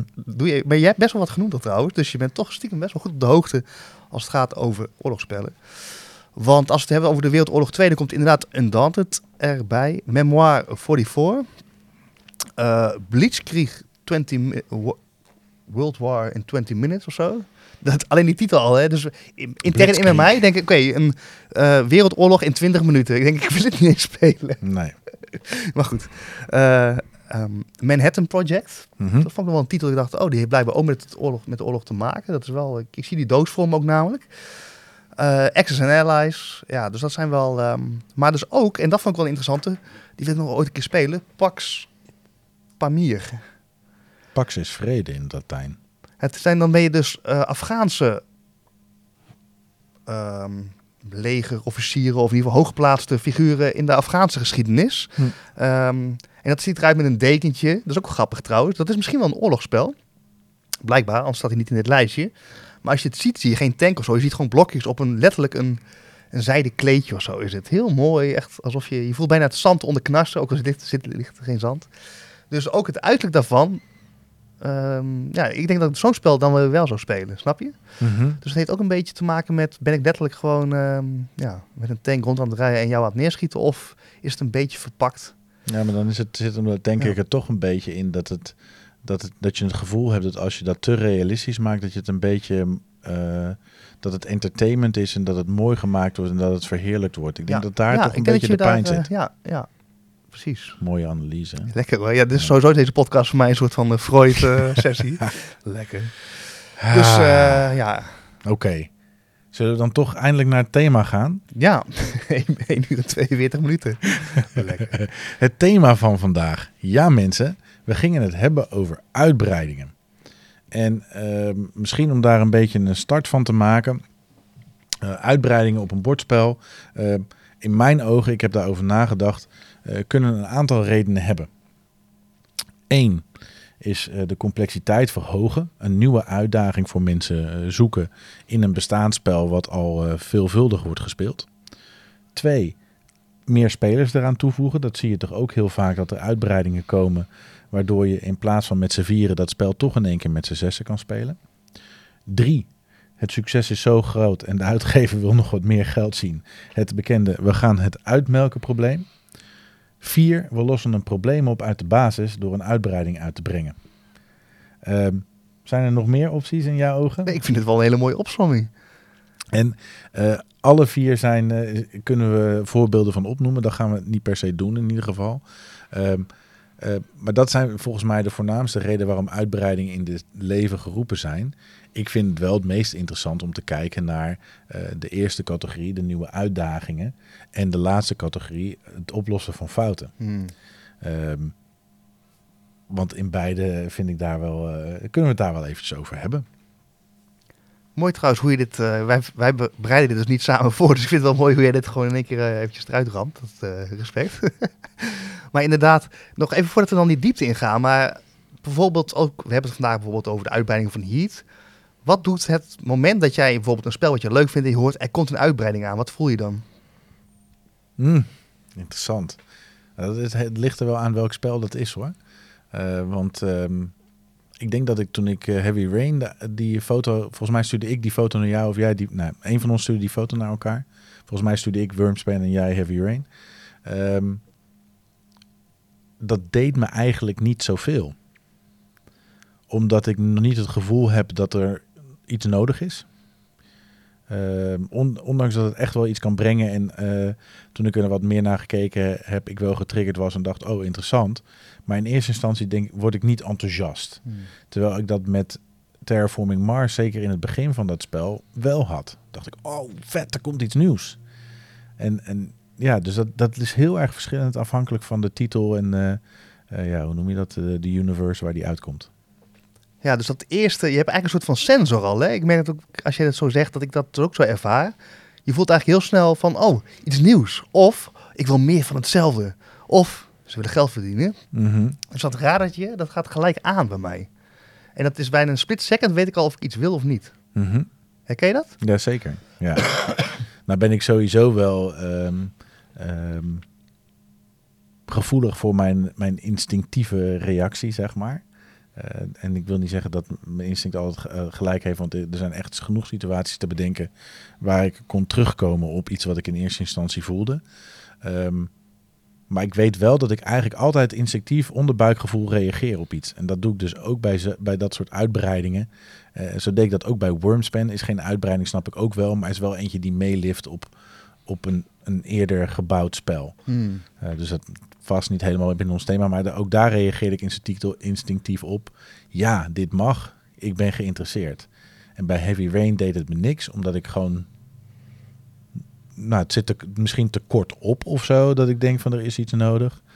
Ehm, maar ja, dat. En ehm, nou, misschien maar om eventjes de koe bij de horens te vatten. Op het moment dat ik ook maar enigszins het gevoel heb dat een uitgever iets aan het uitmelken is, haak ik af. Hmm. Dat ik denk van, ehm, ja, alweer. Weet je, als je met de derde uitbreiding in anderhalf jaar tijd komt, ja, Nou, dat, vind, dat vind ik echt niet nodig. Heb je een voorbeeld van een spel of niet? Of maak je het nou heel lastig? Ja. Ik had het toen de laatste uitbreiding van eh, de zoektocht naar Eldorado uitkwam een Mm. beetje. Dat gevoel. En nou, zoals ik eerder gezegd heb, ik vind het spel heel goed. Juist ook vanwege de toegankelijkheid en hetgeen wat, wat het mensen in de hobby brengt. Eh, maar toen die derde uitbreiding kwam, dacht ik, joh, dit, dit is de derde in anderhalf jaar tijd. Dat vind ik gewoon niet nodig. En dat voelt dan als uitmelken. Eh, ik heb dat bij Everdell eigenlijk inmiddels ook een klein beetje dat gevoel. Ehm, ja, dat- dat- weet je, smaken verschillen. Dus ik hoop dat ze allemaal mensen kunnen bekoren. Maar ehm Everdell, de laatste uitbreiding, heb ik ook gewoon niet op tafel gebracht. Oké, we hadden even een korte break. Nee, er moest niemand naar de wc. Nee, ik moest even een glas water hebben. Ehm, maar goed, ja, dus uitbreidingen. En toen ik daarover, ik, dus je hebt dat denk ik heel mooi nu samengevat wat het allemaal kan doen. Eh, en ik, toen ik het zo had uit te zoomen, dacht ik wel van hoeveel goede uitbreidingen zijn er nou uiteindelijk. Dus ik heb ook best wel vaak dat ik denk, oh die uitbreiding, wat gaaf. Maar in de loop der tijd kan ik dan vaak toch best wel va- vaak vaststellen van nou, de basis was misschien ook wel gewoon voldoende geweest. Dus misschien is het best wel een beetje overrated, uitbreidingen. Ja, en ik, denk dat ik daarin eh, over het algemeen in mee kan gaan. Want ik had ook wel wat moeite om een top 3 samen te stellen in dit eh, thema. Wat zijn nou voor mij de drie beste uitbreidingen waar ik niet meer zonder kan. Ehm, dat, is, dat is overigens wel gelukt hoor, want er zijn echt wel goede uitbreidingen. Ehm, maar ik ben zelf ook vaak wel gewoon op zoek naar dan weer iets nieuws. Dan dat ik een spel met alle uitbreidingen ga doen. En ehm, als ik dan even terugga naar de OG, Catan, Steden en Ridders. Ja, heb ik erbij zitten. Zeevaarders ook. Maar wat er daarna allemaal gekomen is, dus heb ik allemaal aan me voorbij laten gaan. Mm, ja. Ja, nou ja, en dat is dus ook wel waar ik dan over nadenk van ja, zijn er dan spellen die ik inderdaad niet meer zonder uitbreiding speel? En dan kom je dus eigenlijk op het punt wat jij aangaf, dat dus ook uitbreidingen kunnen zorgen dat ze fouten gaan verhelpen. En dat vind ik ook wel een interessant gegeven, want dan denken we eens van hé, hey, is het dan zo dat inderdaad uitgevers een spel maken en dan daar vervolgens een uitbreiding op eh, bedenken? Of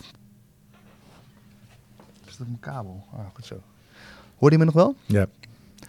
Of dat het zo is dat je vanuit de community, hè, dat spel is dan, hè, wordt gespeeld, je krijgt feedback en dat je dan aan de hand van die feedback van de community, dat je dan een uitbreiding gaat uitbrengen die dat tackelt.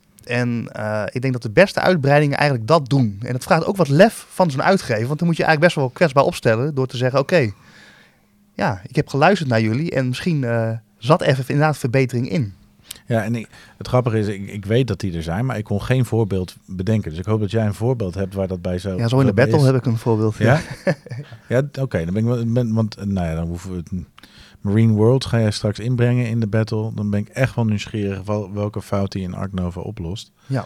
Ehm, misschien doet eh, mijn eh, battle Wingspan Oceanen dat eigenlijk stiekem ook wel, als ik er zo over nadenk. Ik denk het wel. Maar goed, interessant. Ehm, maar ja, dat zeker. Dan moet je gewoon in de spiegel kijken. En la, ik, ik hoop dat het is wat jij zegt. Dat ze de feedback van de community horen en denken... hé, hey, wacht even. We hebben, we hebben wat te winnen, we hebben wat te pakken. Ja. En wat ik dan ook nog wel interessant vind, is dat je bij uitbreidingen ziet, en dat zie ik ook in mijn top 3 straks, is dat een. Het hoeft niet ook altijd een probleem op te lossen, maar het kan wel ruimte geven. Dus een, een spel kan best wel, eh noemen ze dat cutthroat of zo, in ieder geval heel erg eh, onvergeeflijk zijn. Ja. Dus als je dan een fout maakt, ja, dan, dan zit je eigenlijk de rest van het spel zit je vast.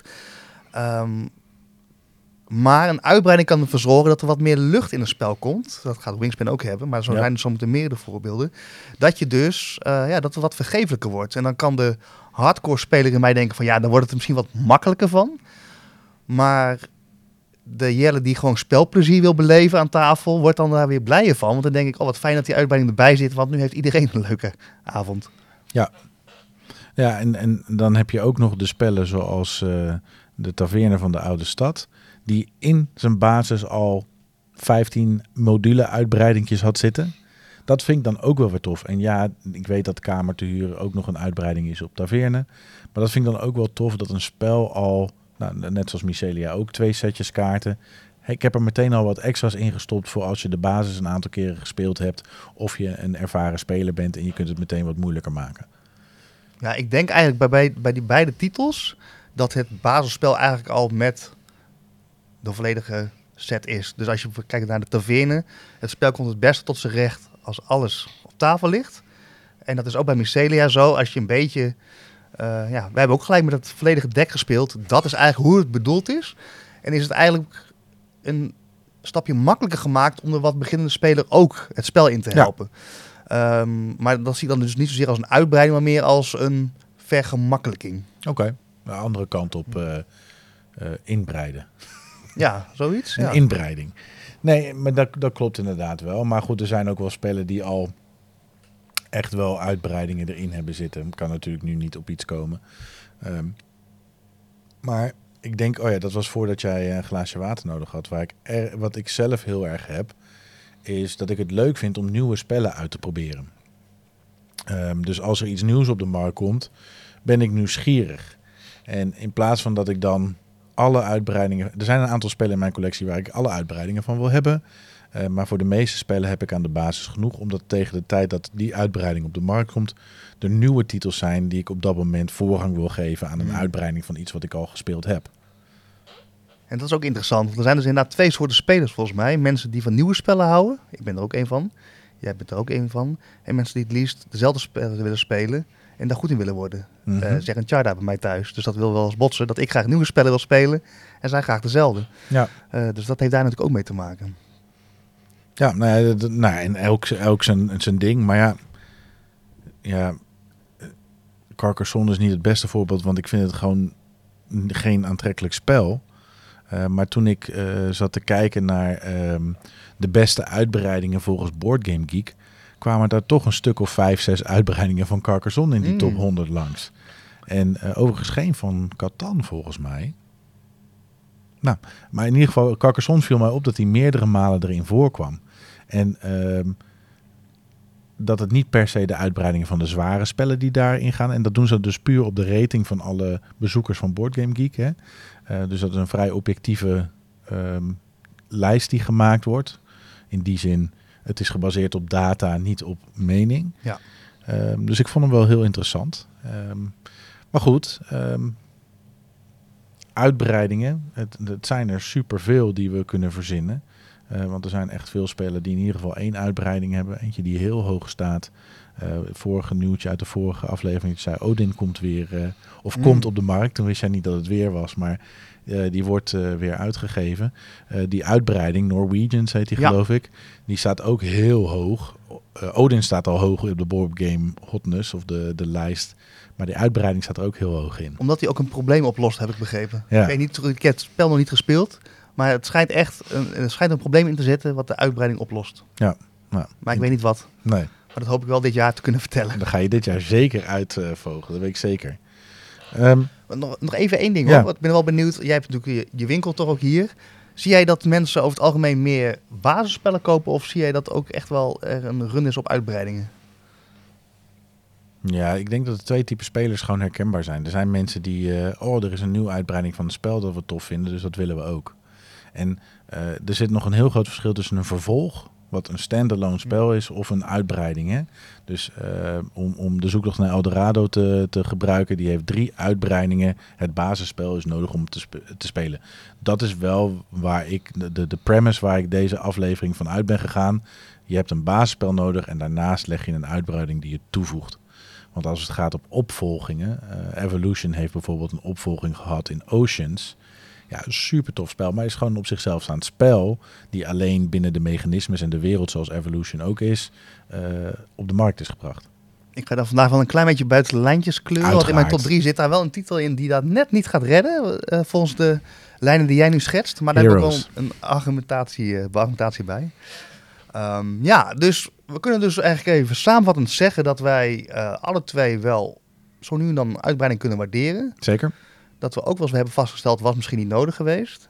Dat we ook niet direct bij alle uitbreidingen gelijk staan te juichen. Maar ehm, eh, met name bij spellen die dus eh, problemen oplossen. Dus blijkbaar zijn we dan ook al wel een keer tegen een probleem aangelopen. Waarvan we dachten, hé hey, wat fijn, zal dit de oplossing zijn Ja. om dat probleem te verhelpen. Ja, en dan biedt het gewoon wel een, ehm, een goede kans. En daar hebben wij dan natuurlijk ook een top 3 bij bedacht. Zeker. Niet één, niet twee, maar een top. En dan heb ik wel in mijn top 3, voordat ik het ga eh, vertellen, wel spellen gedaan die ik dus nooit meer zonder de uitbreiding speel. Dus dat zijn blijkbaar voor mij allemaal spellen die een spel of echt beter hebben gemaakt, of dus inderdaad een probleem hebben opgelost. Maar ik speel niet meer zonder. Hoe zit het voor jou? Eh, dat is bij mij. Ik heb eigenlijk vier spellen staan waar ik nu on the fly straks ga bedenken welke in de top drie zitten. Eh, van drie van die vier is dat ook zo. Dus misschien moet ik die andere eruit laten dan. Mm. En misschien wel eventjes een, nog even, voordat we die top 3 gaan delen, toch even een speciale gast in deze top 3. Want ja, we hebben natuurlijk wel eens al lachend gehad over het dorp. Nee, ja, jij wat meer lachend. Ik doe het altijd wel serieus, want het is echt een goed spel. En ik heb hem dus weggeleid uit mijn top 3, maar ik wil hem toch even benoemen. Want ehm, ja, de herberg van het dorp. Eh, heb je het dorp? eh, speur dan alsjeblieft Marktplaats af of je nog de herberg kunt vinden. Ehm, is bijna niet met, in ieder geval niet in de winkels te krijgen, maar ook op Marktplaats eh, moeilijk te vinden. Ik heb hem overigens wel, maar niet te koop. Maar dat zeggen, Jelle biedt hem te kopen Ja. aan om zometeen mijn spel uit de battle te kunnen kopen.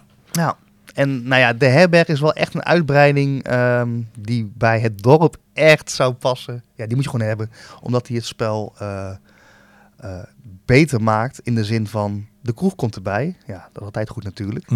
Ehm, maar daardoor worden de opties dus meer en ehm, worden dus ook de einddoelen anders. Dus waar je bij het dorp vrij vast zit als je de basis speelt met oké, die acties kun je doen, maken het, eh, ja, het maakt het wat onvoorspelbaarder, elk potje. Mhm. En dat maakt het gewoon eh, ja, tot een hele goede uitbreiding. Dus ik ga hem niet in mijn top 3 zetten, maar heb je het dorp en eh, zie je hem ooit liggen, koop hem jongens. Hij is echt de moeite waard. Zo, mijn liefde voor het dorp is weer eventjes gedeeld. Nou, dan zal ik mijn nummer, mijn, mijn honorable mention, mijn nummer vier eventjes benoemen. Ook omdat hij denk ik nog een, een rol speelt in de uitbreidingen. Ik had namelijk een Everdell uitbreiding op mijn lijstje staan, op mijn shortlist. En eh, ik denk wat Everdell heel erg goed gedaan heeft, en dat zie je ook in hoe die Complete Collection op Kickstarter losging. eh, de behoefte om dingen compleet te hebben, speelt ook een rol in de menselijke psyche. En eh, ik denk dat Everdell, ondanks dat ze allemaal prachtige kunststukjes zijn, hè, het ziet er allemaal heel erg mooi uit. Ehm, voor mezelf, ik speel Everdell niet vaak genoeg om New Leaf ook nog aan te schaffen. En ik heb eh Pearlbrook en Spirecrest heb ik allebei in de collectie zitten. Ehm, en degene die voor mij op de shortlist staat was Pearlbrook. Eh, ik weet dat dat heel veel mensen dat niet met me eens zijn overigens. Maar goed, smaken verschillen. Want ik vind het namelijk gewoon zo ontzettend leuk om met die kikkers die pareltjes te gaan scoren. En eh, dat, dat eerste gevoel wat zo aan dat bord toe werd gevoegd. Ja, ik vond dat gewoon een hele fijne uitbreiding. Met een hele leuke mechanismes en kaartjes die je daar kunt scoren. Hmm. Maar goed, die zal ik dus niet gebruiken, omdat ik hem niet standaard in de doos heb zitten. Dus dat ik hem niet standaard, als ik Everdell op tafel leg, Pearlbrook erbij moet hebben. Ja, het luistert wel zo. Als ik inderdaad laatst heb gereflecteerd op Everdell en ik heb drie uitbreidingen, heb ik dus inderdaad bij Everdell, ter voorbereiding van deze uitzending, gedacht van ja, dat was zo'n spel waarvan ik dacht, als ik nu opnieuw mijn tijd en mijn geld had kunnen besteden, dan had ik het basisspel gekocht en Mistwood voor de solo eh, bot, waardoor die echt dus een probleem oplost, namelijk een leuke solo tegenstander. En verder had ik het daar denk ik bij gelaten. Andere uitbreidingen, ik heb dan Spirecrest en eh Belfair. Dus eh, Mhm. ja, doen ook leuke dingen. Dus het is wel leuk, maar het is niet noodzakelijk. Dus met terugwerkende kracht had ik eigenlijk maar bij de baas gehouden. Soms is het bij de baas houden namelijk ook best fijn. Dan wordt het ook niet te uitgebreid, snap je? Nee. Eens. Ehm, dus dat is voor mij Everdell inderdaad. En Pearlbrook heb ik nooit gespeeld. Maar ga ik dus ook niet meer aanschaffen, want ik ben wel klaar met uitbreiding kopen voor Everdell. Ik ook. Zijn. Dus, eh, ja. Gaan we naar onze top 3, Jelle? Wie eh, gaat hem eh, starten? Eh, start maar, ik ben zojuist aan het woord geweest, dus jij mag wel. Op nummertje 3 staat voor mij een uitbreiding van Terraforming Mars. En de uitbreiding die het beste scoort in de lijsten van Board Game Geek is Prelude, Prelude, hoe je hem ook wil noemen. Omdat hij een bepaalde startpositie geeft, waardoor nou ja, door, het spel gewoon anders van start gaat, zou ik maar zeggen. Dat is niet degene die op mijn lijstje staat, Hmm. niet degene die bij mij op nummer 3 staat. Voor mij is dat Venus Next. En ehm, het was om het even of Colonies of Venus Next. Ik heb voor Venus Next gekozen omdat die kaartjes, de dynamiek van de kaartenset die daarbij geboden wordt, eh, ik hele leuke combi's vind geven. Eh, ik, ik ben fan van Terraforming Mars. Ik vind het echt gewoon een goed spel. Eh, vooral eh, vanwege de benadering van de makers van de Frixilus broeders eh, en vader. Ehm, ik hou ervan en Venus Next geeft net een beetje een quirky eh, twist aan, aan de serieuze wetenschappelijk onderbouwde mogelijkheden die eh, het basisspel geeft. En ehm, daarom staat hij bij mij op nummer drie. Maar vond je, vind je dus dat het anders te serieus is of zo? Ben je blij met een wat vrolijkere noot erin? Nee, helemaal niet. Ik, nee, nee, het was niet per se dat ik daar op zoek was. Dat biedt hij mij gewoon. En wat mis ik zeg maar? Want ik heb die nog nooit gespeeld. Wat heb ik dan nu gemist? In mijn ervaring van Terraforming Mars. Wat lost hij voor jou op of wat brengt hij extra? Niks, gewoon, eh, gewoon iets extra's. Meer mogelijkheden, meer kaarten, eh, meer combo's. Dus op het moment dat je met je blauwe kaarten speelt, dat er meer acties op elkaar kunnen volgen. eh, meer verplaatsen. Ehm, ja, heel erg leuk. Net zoals wat, wat Colonies biedt natuurlijk. Ik weet niet of je die wel hebt toegevoegd ooit, maar Ja, met die eh, scheepjes heen en weer. Ja, dus je hebt wel eens gaat met- gespeeld, heb ik je gaat naar die andere basis. eh, waar je ook weer dingetjes kunt doen en die je ook kunt kolonialiseren. Dus ook weer punten op kunt scoren. Venus Next heeft vooral heel erg veel met de kaarten en de onderzoeken. Hmm. En, eh, erg leuk wat mij betreft. Alright. Eh, overigens is mijn favoriete uitbreiding, ik heb er maar één, dat is dus Prelude inderdaad. Omdat hij het spel gewoon korter maakt. Ja, en je startpositie wordt gewoon, eh, die motor wordt heel snel aangezwengeld. Ja, dus je kan wat snellere potjes spelen. En dat lost mij dus wel het probleem van het lang spelen op. Ja. Hoewel het nog steeds niet kort is hoor, maar... Ja, het zei, dan moet ik heel eerlijk zeggen, als je een po- potje Terraforming Mars basis met iemand speelt eh, die dat echt goed speelt, kun je echt in een uur, uur en een kwartier een potje Terraforming Par- Mars eruit jassen. Mhm. Wist je trouwens ook dat er dus een Nederlands kampioenschap al is? En die Mhm. wordt volgens mij echt al met 80 of 100 mensen al met inschrijving. Dus dat wordt ieder jaar groter. Ja. Dus eh, misschien moet je een keer een eh, Team Koning bordspel... eh, Nou, ik, ik ben zelf sowieso niet goed genoeg. Angela daarentegen, die ik eerder benoemde, wel. Dus misschien moet Angela dat gaan doen. mm. En dan, zorgen wij voor een shirt met karton erop. Ja, podcast. ja, Ja, ja. Sponsoren we. Goed. ehm, mijn nummer drie. En dat, gaat, dat is een spel wat jij leuk vindt, want ik heb je er vaak over gehoord. En dat is It's a Wonderful World. En heb je daar ooit wel eens een uitbreiding van gespeeld? Eh, ik heb Ascensions en... Precies. Corruption. Corruption en en Ascension. Ja, Ja, die heb precies. ik één keer erbij op tafel gehad. Hmm. Nou, die staat dus op mijn nummer drie. Eh, die speel ik dus nooit meer zonder die uitbreiding. En waarom ik dat doe, is omdat het voor mij een probleem heeft opgelost. En dat is namelijk dat ik, en dat kan ook aan mij hebben gelegen hoor, maar volgens mij hoort het ook een beetje bij het spel, dat ik bij It's a Wonderful World, je speelt vijf rondes uit mijn hoofd. Vier, vier rondes zelfs. Dus vrij, ja, het spel heeft een begrenzing. En ik had eigenlijk altijd het idee bij It's a Wonderful World, net als het lekker liep, Misschien kon ik nog net een graantje van meepikken van het gevoel en dan was het spel voorbij. Hè, want je gaat met kaarten een modetje opbouwen, waardoor je eigenlijk een soort van passief inkomen gaat krijgen. Nou ja, net als dat lekker op gang is en je gaat achteroverleunen van kom maar op, ja, dan is het spel voorbij. En toen eh, had ik deze eh, uitbreiding er aan toegevoegd. En toen zat ik met een grote big smell aan tafel. Want dit is alsof je een injectie met steroïden in die kaart eh, stopt. En ineens kan het zomaar zijn dat jij in ronde 2 al een heerlijk lopend bedrijf hebt. Omdat je de juiste combos hebt gemaakt. En heb je gewoon nog twee rondes lang eh, het genot van het binnenhalen van jouw productie en het scoren van punten. En kan het echt in het extreme doorpompen. Ja, en dat is dus wel wat ik ontzettend vet vind aan, eh, aan deze uitbreiding. Dat het gewoon een soort van... Hier was ik eigenlijk naar op zoek. Ik wilde gewoon ervaren hoe het was om een lekker lopend eh, ja, fabriekje te hebben. En dat kan met deze uitbreiding. Dus ik speel hem nooit meer zonder. Mooi, dan moet ik hem eh, toch maar eens erbij gaan voegen. Want ja, wat ik zeg, ik heb hem er maar één keer bij gehad en eh, verder niet. Ja, dus echt, echt, ja, ik heb echt al, ja, weet je hoe lekker dat is? Als je in ronde 2 al denkt van, wow, dit is mij in het basisspel nog nooit zo ver gekomen dat ik al zo lekker liep. En nou is het al zover.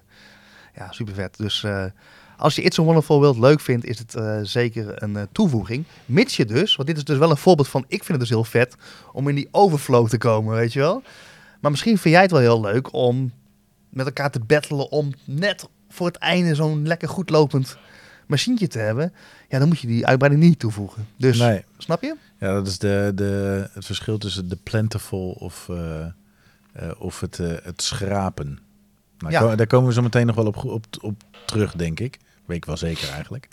Ehm, op nummer twee ehm, heb ik een spel staan wat ik niet per se super vaak gespeeld heb, maar wel vaak genoeg. En niet eens in mijn eigen collectie heb. Eh, maar een van de spellen die ik via mijn spellengroepje eh, op tafel krijg. En dat is de uitbreiding op de eerste Evolution, namelijk Evolution Climate. En, ehm, en zoals jullie misschien weten, ik hou van spellen die een beetje kloppend in elkaar zitten als het om thema gaat. En Evolution is zo'n spel, eat or be eaten. Eh, dus je bent continu bezig met, ga ik mijn species ehm, in aantallen groot laten zijn en zijn we daarom veilig met elkaar? Of eh, ga ik mezelf heel groot eten als species en ontwikkel ik me dus als een steeds groter dier, waardoor ik minder natuurlijke vijanden heb? En daarom, of heb ik misschien beschermingsfactoren zoals een, eh, een, een, een schild, zoals een schildpad dat heeft, waardoor die lang kan leven. Eh, dat zit dus heel erg in het wetenschappelijke en hoe een, een species zich ontwikkelt en hoe het in leven kan blijven. Super tof spel. Ik noemde net al Oceans als eh standalone opvolging daarvan die over de oceanen gaat. Eh, niet verrassend. Eh, maar Evolution Climate, eh, die brengt een nieuwe factor in dit spel. Namelijk de weersomstandigheden waar je mee te maken hebt als soort. die van invloed zijn op jouw succes. Op je, of je wel overleeft of niet. En die zijn zo bizar, omdat die weersomstandigheden kunnen gaan van extreme cold naar extreme heat. Eigenlijk eh, zoals die in de evolutie eh, zich ook heeft ontwikkeld. Waarom we geen mammoeten meer hebben en geen dinosauriërs en et cetera, et cetera. Eh, dat ik die eigenlijk zo'n ehm, zo'n moeilijk bespeelbare toevoeging vind dat die heel erg leuk wordt. Hmm. Hij gaat heel erg schuren, want je kunt dus heel erg inzetten op eh, de grote, dikke dieren die daardoor veilig zijn, omdat ze te groot zijn om aan te vallen, want anders gaan ze op je zitten, idee. Maar als het vervolgens stik heet wordt eh, in de, op de wereld, ja, dan heeft hij het verdomd moeilijk om überhaupt zich te blijven verplaatsen. En hetzelfde geldt eh, voor die, die, die mammoet die wel bestemd is vanwege zijn vet en zijn haar tegen de kou. Maar ja, de hitte, dat gaat niet. Ja. Eh, dus die vind ik zo ontzettend leuk dat eh, als eh, iemand in onze groep voorstelt eh, Evolution, dan hoop ik altijd dat Climate erbij komt. Ehm, je hebt daarna ook nog Evolution Flight gekregen als uitbreiding, waardoor eh, de vliegende soorten ook een rol gaan spelen. Maar Evolution Climate is voor mij een, eh, een hele mooie op nummer 2. Is dat dan ook dus nog een extra factor hè, in het rijtje wat je helemaal in het begin van, eh, van uitbreidingen noemde? Dat dit is ook een soort van logisch vervolg op de verhaallijn.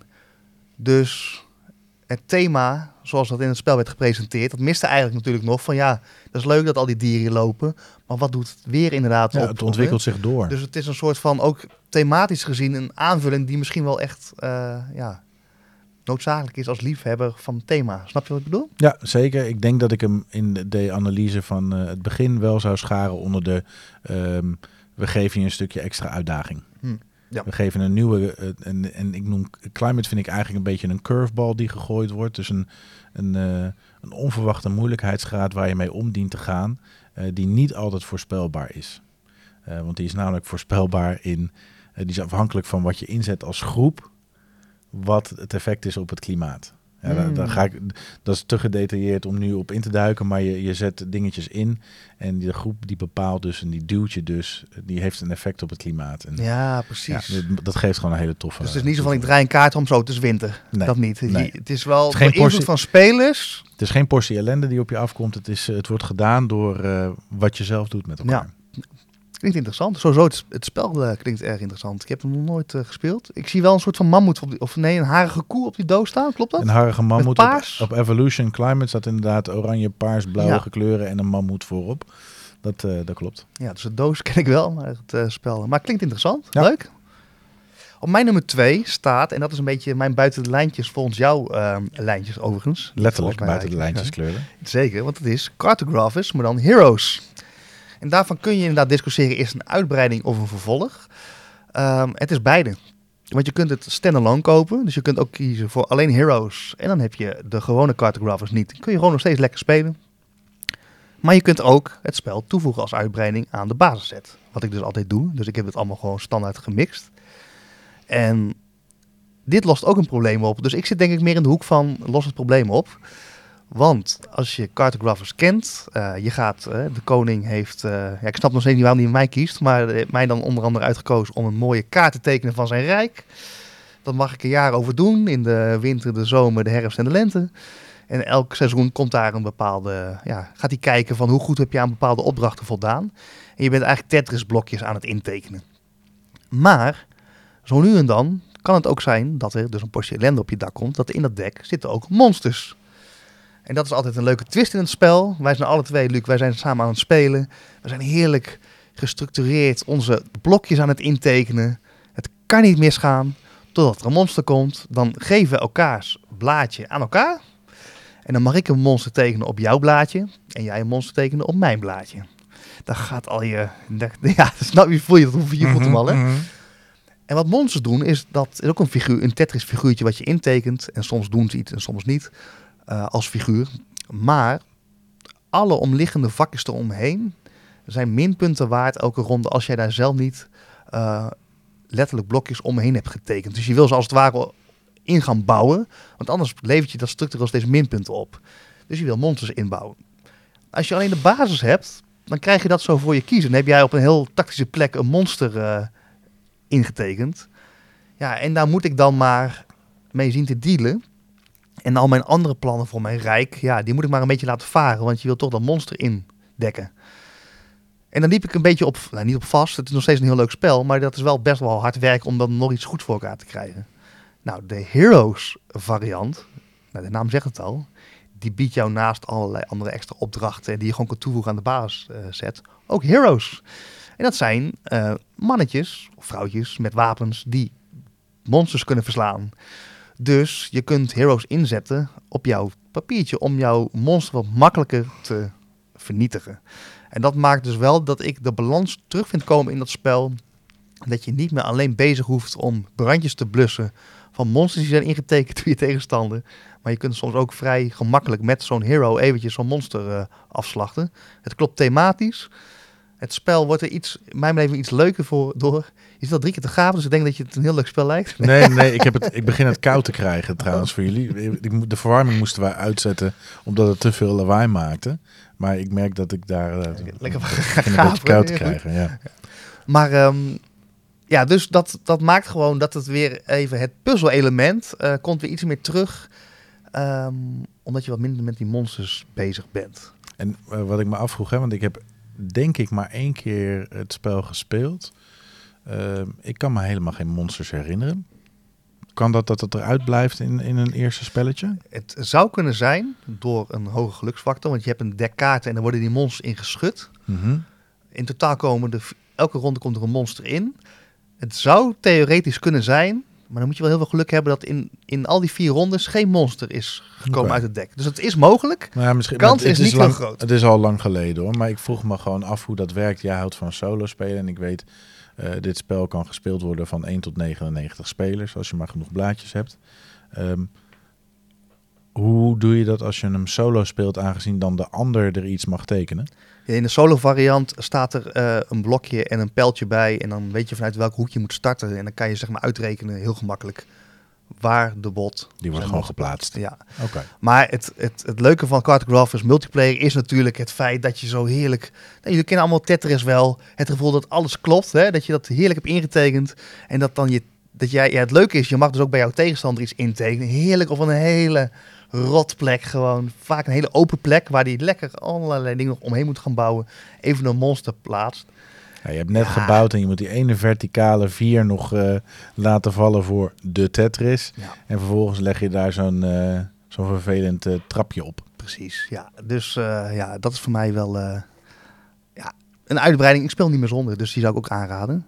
Heel kort zijstapje even naar Tetris. Een kort nieuwtje wat ik wel opviel. Tetris is uitgespeeld. Heb je dat gehoord? Nee. Er is dus, ja, dat is toch briljant jongens. Ik moet het even delen. Het heeft niks met woordspellen te maken. Maar er is denk ik twee of drie weken geleden is er een jongen geweest. En eh, zelfs de makers van Tetris dachten dat je Tetris niet kon uitspelen. In de vorm van dat je alle levels hebt belopen dat hij vastloopt. Dus er is een moment, er zou een moment kunnen zijn dat Tetris niet meer aan kan hoe ver jij bent gekomen en dan loopt hij vast. En nog nooit sinds, en dat is eigenlijk al 30, 40 jaar dat spel, echt Ja, lang. De eerste Game Boy, dus dan hebben we het denk ik over 1989, 1990, 1991. Dus het was eigenlijk niet, zelfs hè, er worden ook wedstrijden voor gehouden, het zou niet kunnen. Maar er is een jongen van 13 geweest, die heeft dus ook op livestream heeft hij het Holy gedaan. moly. En het is hem gelukt. Hij is de eerste in deze hele wereld. En Die speelde hij hem op een, eh, een, een desktop of speelde hij hem echt op een Game Boy? Niet op een Game Boy, wel, een- want hij was ook aan het streamen. Dus je zag echt mensen ook, die zaten mee te kijken. Die gingen helemaal, die stonden gewoon, gewoon te huilen van, dit is gewoon wereldschokkend gewoon. Dat, Ja, ja, ja. En ook gewoon een jongen van 13 hè, die gewoon... Het is bizar, de vingervlugheid die dat jochie moet hebben gehad. Dat is, niet, dat is echt insane.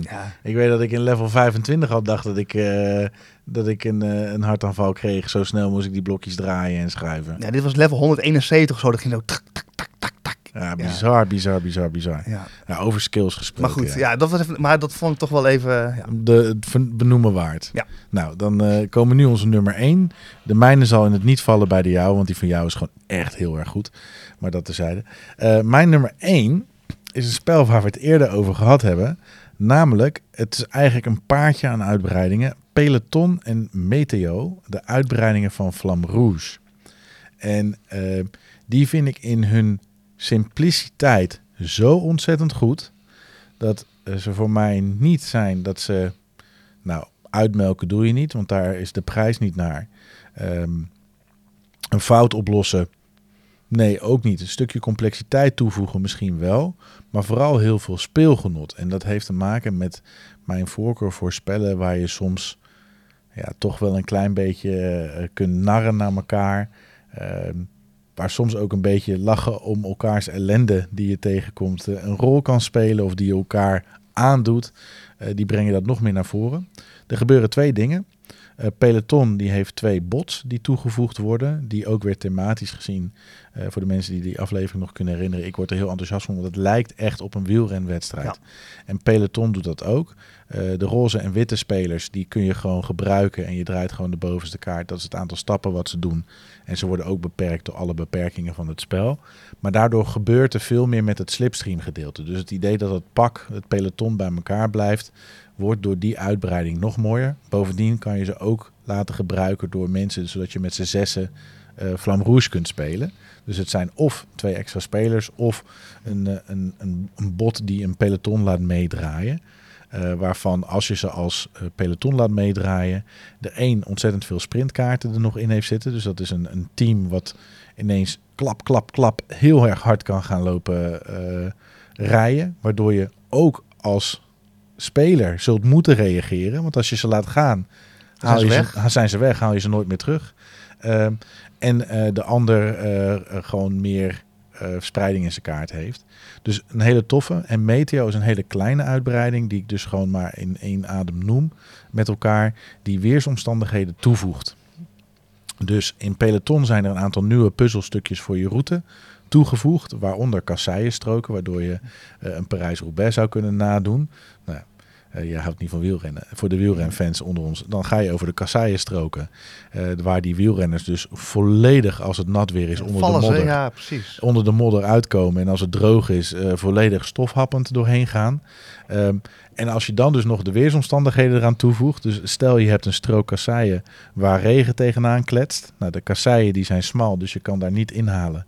Als je dan een stapje moet doen terwijl er iemand voor je neus zit, ga je dus ook op je Maar je bek. kunt ook echt vallen, zeg maar, Ja. uitglijden. Ja, dan moet je je poppetje dus neerleggen. Dan moet je in je volgende beurt moet je de eerste twee stappen gebruiken van jouw kaart om rechtop te staan voordat je weer door mag. Dus ontstaat een soort trechterprobleem, zoals dat thematisch ook in dat soort wielerkoersen ontstaat. En eh, die vind ik gewoon zo ontzettend leuk dat die er gewoon altijd in zitten. En wat ik dan doe, toen straks zei ik er wat over dat je kunt voorbereiden op de weersomstandigheden in de koers. Ik laat ze dicht liggen. Hmm. Eh, met als afspraak een soort huisregel, we draaien pas open op het moment dat we die sectie binnenkomen. Maar thematisch gezien weet je van tevoren natuurlijk wel als, als eh, in het echt wat voor weer te wachten staat. ja, dat maar kan dit- de ploegwagen wel vertellen. Ja. Ja. Ah, maar het is wel interessant dat jij dus wel toch wel meer op thema of zo. eh, net ook in het voorspel was het ook met klimaat en, en weers en zo. Dus je bent wel gevoelig voor zeg maar gewoon het totaalpakket aan een spelervaring of zo vergroten. Ja, en misschien is dat wat ik eerder ook zei. Ik speel graag iets nieuws. Ik heb voor mijn gevoel het idee dat ik iets nieuws speel met Mm. deze uitbreidingen. Ja. En dat, Ja. dan doet het het dus wel voor me.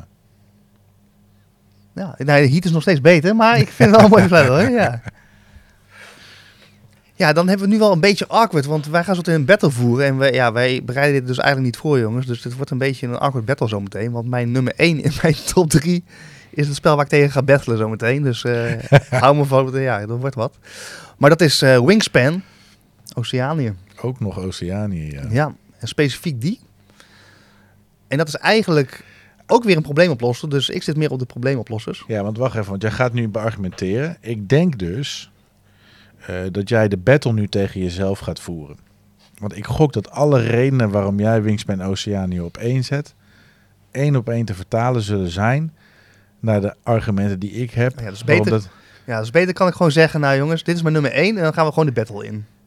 nou, misschien wel. dat? Ja, en, en voeg vooral toe als je nog meer redenen hebt waarom mijn spel beter is zometeen. Maar ik denk het wel. Ja, maar ik ga natuurlijk wel in de overdrive nou zo meteen die battle in, gewoon als een soort van eh, gekheid. Nou, kom maar het is door. gewoon echt een hele goede uitbreiding. Ja, kom maar door. Ja, ik, moet, ik moet het nog bedenken, hè? dus dat gaat allemaal eh, in mijn hoofd zo meteen. Maar eh, ja, de battle komt-ie. Battle, battle, battle, battle, battle, battle, battle, battle, battle. Ja, we gaan eh, dieren tegen elkaar laten strijden. Vroeger hadden ze hanengevechten, hondengevechten, alles kennen wij. Maar wij gaan met haaien tegen vogels. nou, bij deze is het al gewonnen, bij Battle. Want die haai eet die vogel met één hap op. Zo, dit was de battle. Even voor de mensen. Hè. Haaien. Er staat hier inderdaad een grote haai. Maar zie je die, die schattige clownvis hier en een kwalletje en een zeepaardje. Hoe schattig. Om, nom, nom, nom, nom. En één haai. Oké. Goed, het gaat dus over de uitbreiding van Ark Nova, de Marine Worlds. Hij is overigens voor mij deze week in het Nederlands uitgebracht. En overal weer direct uitverkocht. Ja, dus hij is erg populair. Ehm, maar dat is dus de uitbreiding van Ark Nova. En die gaat battelen tegen de uitbreiding Oceanen van Wingspan. Oceanië, oceans, waterwereld. Ik zie een thema. Maar ehm, ik laat jou dan uit alle eerlijkheid beginnen. Want de hype is real. Wij, ik heb hem eh, voor je laten meenemen uit eh Spiel. Hè, Zeker, met Duncan ja. Ashley. Ja. Ehm, eh, want we hadden gezegd, we hadden allemaal een plekje uitgezocht waar we naartoe moesten die ochtend. En Ashley eh, had ik gevraagd, wil je alsjeblieft een extra waterwereld meenemen? Want Jelle wil hem hebben. En, Super eh, tof. Hoe vaak heb je hem nu al op tafel gehad? Ik denk eh, een stuk of vier keer. Van Oké. twee keer met Charda, Mhm. twee keer solo. Dus Charda vindt hem ook leuk. Dus dat is al een. Extra punt. die houdt niet zoveel van nieuwigheid. Dus dat zij dit heel erg kan waarderen, dat is al een pluspunt in deze battle. Het is een lege doos trouwens, hè? want je hebt hem neem ik aan in de basisdoos zitten ja, nu. precies. Ja. Ja. er zit alleen er zit wel iets in. Ik ben al nieuwsgierig. Ja, wat heb je erin laten zitten, Jelle? Oh, dit is het, het oude bordje van het basisspel. Oh, die heb je niet meer nodig. In de, nee, die heb je niet meer nodig. Want het komt hier bij de, ehm, hoe heet deze dingen? Dat zijn de universiteitachtige tegels. Ik ben even de exacte naam kwijt. Mhm. Maar daar komt nog een extra eh één bij. Dus er zijn er vier in plaats van drie. Maar dus inderdaad, ik gooi het dan ook niet weg. Ik had het ook weg kunnen gooien. Dus Mhm. interessant. Maar ik wist ook niet meer dat het erin zat. Dus ja. Nee. Maar goed, wat deze uitbreiding gewoon ehm, perfect maakt, is dat het een probleem oplost. En zoals jullie al net hebben gehoord, word ik blij van uitbreidingen die problemen oplossen. En dat is namelijk dat Ark Nova er gewoon, hè, we hebben al een keer een eerdere uitzending gemaakt over het spel zelf. Ehm, toch? Of zeg ik dat verkeerd? Ja, Nou, we hebben, we hebben er vaak over gehad genoeg. Ja, precies. Dus je gaat een dierentuin bouwen, daar ga je hokken in plaatsen, dieren inzetten en die kunnen leuk met elkaar corresponderen, combo's maken. Nou, even in een eh, in hele snelle bewoordingen. Maar het positieve van het spel is dat er een enorme stapel aan dierenkaarten in zit. Echt een hele grote stapel. Die je nooit allemaal gaat tegenkomen.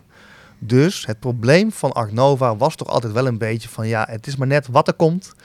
En de kaarten die je dan nodig hebt voor een leuke combo, bijvoorbeeld je bouwt een kinderboerderij in jouw dierentuin, dan krijg je daarna extra punten als jij daar nog meer boerderijdieren in bouwt.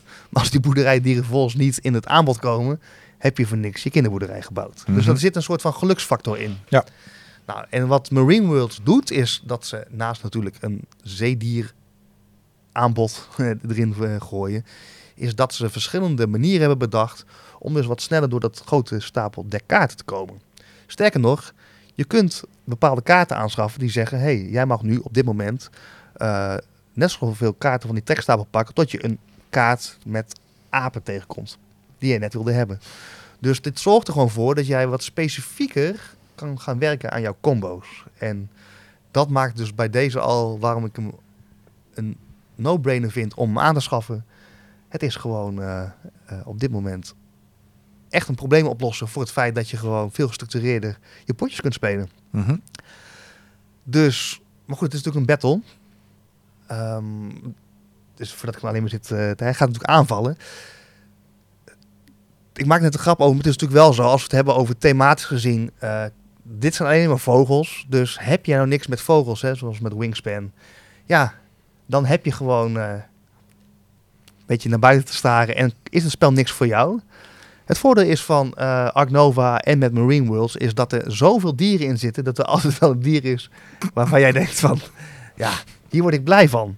Dus dat geluksgevoel van, hé, hey, ik kan me verbinden met iets wat op mijn spelersbordje gebeurt, is bij Ark Nova vele malen groter als Wingspan. Daarnaast weet je ook dat eh, hè, het soort spelen, kijk, Wingspan trekt vooral vogelaars aan, niks met ten nadele van vogelaars, want een van mijn goede vrienden is zelfs vogelaar. Maar is best wel een niche doelgroep. Terwijl ook hierin weer, hè, Marine Worlds, dat zijn toch wat meer de gezinnen die met hun kinderen naar de dierentuin gaan. Ja, dat is gewoon een veel grotere groep mensen. En eh, dus ook als je gewoon kijkt, hè, jij hebt ook een winkel, is het gewoon veel aantrekkelijker om deze in de schappen te hebben staan als bijvoorbeeld een, een Wingspan. Hm. Ik zie je heel bedenkelijk kijken. Ja, Kan je daar niet helemaal, eh, jij... nee, ik- je, je hebt wel een sterkere argumenten Ja, ik gehad. Ja, maar het is heel lastig verbetten tegen een spel wat ik geweldig vind. Ja, dat is, eh, nee, er komt een beetje, een beetje onzin uit, vind ik. Ja, ga je, neem me even over, want dan kan ik ondertussen een klein beetje op, op wat jij Ik zegt. zal, ik, zal je de ruimte, ik zal je de ruimte geven. Ik denk namelijk waarom jij Wingspan Oceanië eh, nummer 1 in jouw top 3 zette. eh, en waarom dat deze battle gaat winnen. Is niet alleen vanwege het oplossen van een probleem. maar er zijn nog wat andere dingetjes.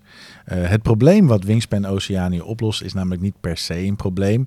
Maar dat is voor de mensen die niet houden van een beetje schuren. Want eh, wat Wingspan heeft is dat je eigenlijk elke ronde een, een, een beurt tekort komt.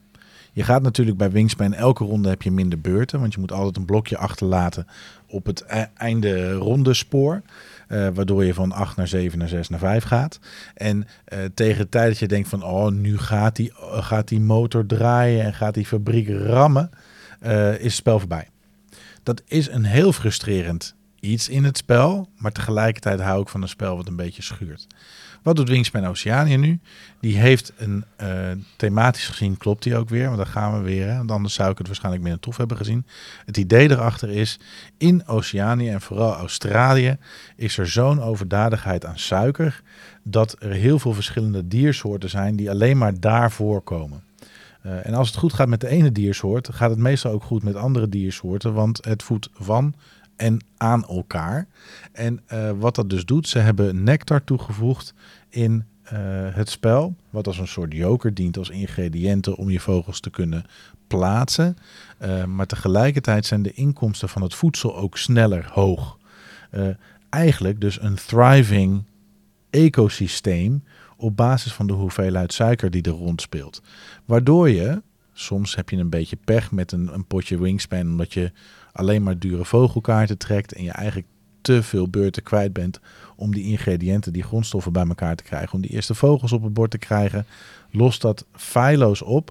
Want met de nectar, je begint sowieso met een nectar, ehm, ga je gewoon veel sneller je vogels op het bord krijgen, zodat je veel sneller aan die motormolen kan gaan draaien.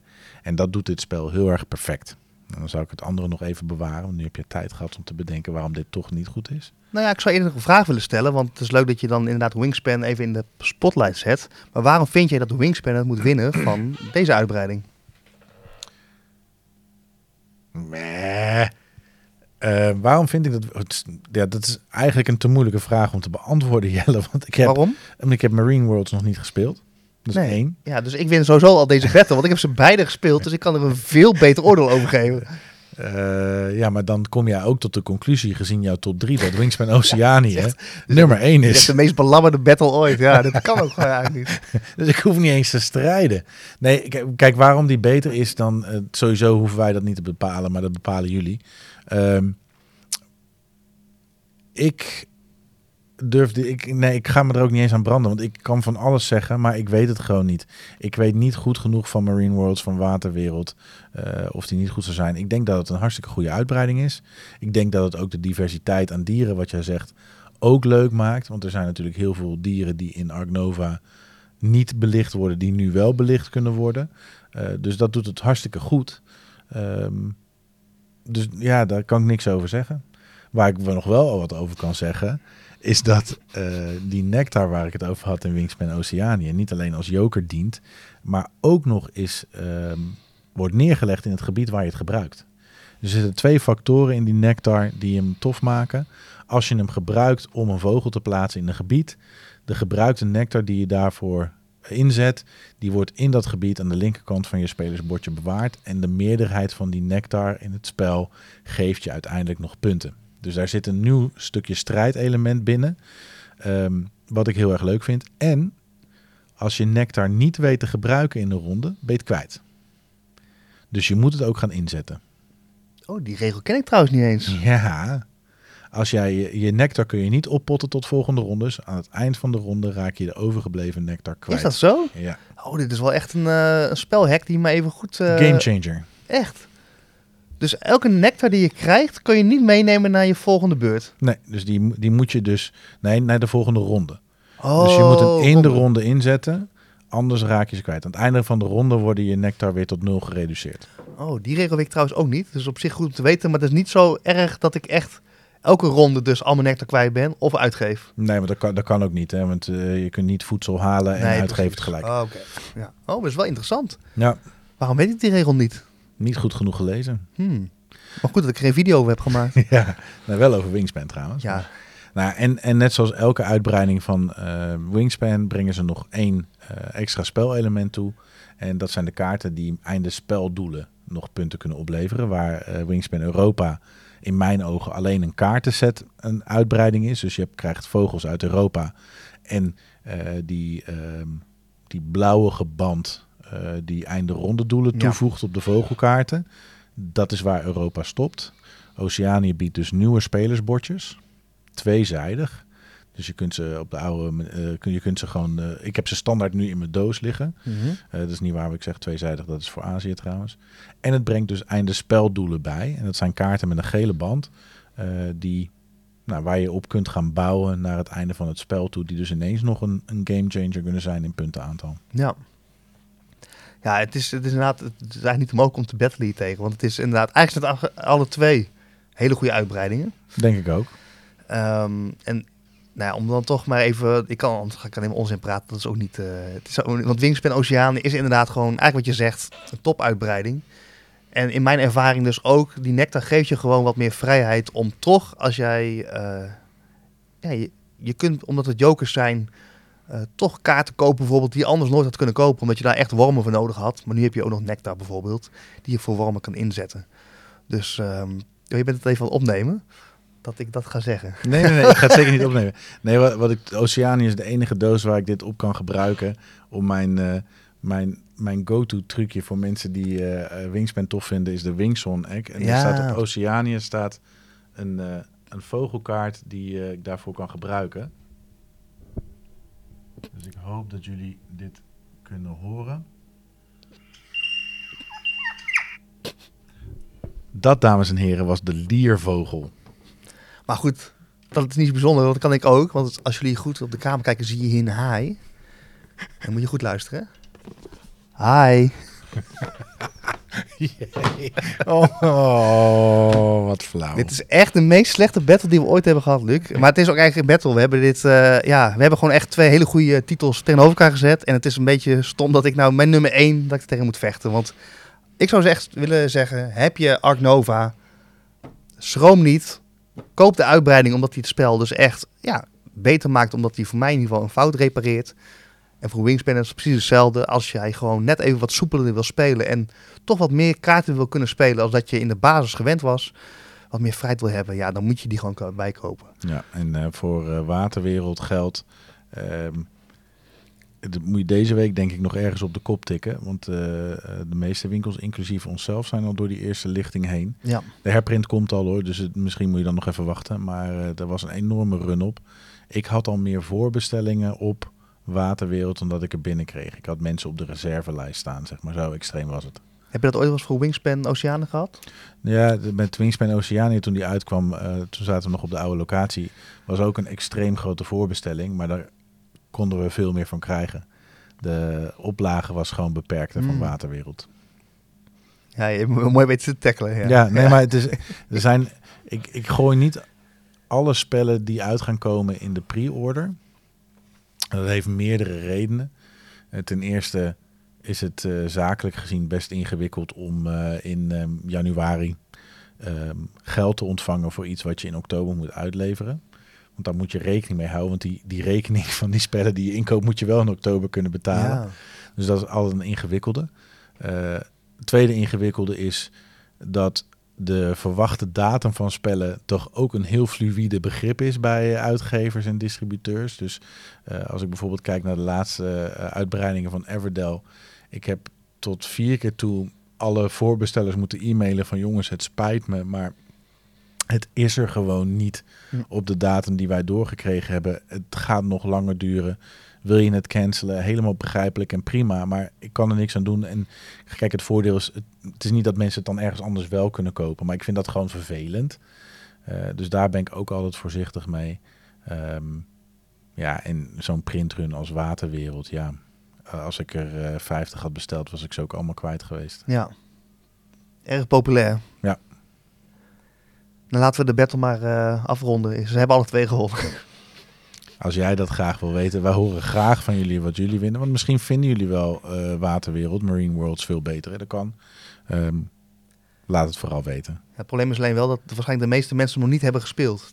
Als ze deze aflevering luisteren. Dus ik Ja. heb veel minder mensen achter mij als mensen die Wingspan. Ja, maar jij kiest altijd spellen die... Jij kleurt vaak buiten de lijntjes. Zeker, daar hou ik van. Castles of Burgundy, terwijl dat een oud spel is, inbrengen als spel van een jaar. Ja, weet je, ik, ik, ik, ik geloof het en ik ben het er mee eens dat de meeste mensen Castles of Burgundy hebben gekozen boven Mycelia. Maar mocht die gekozen worden door jou in de battle, vind ik nog steeds discutabel.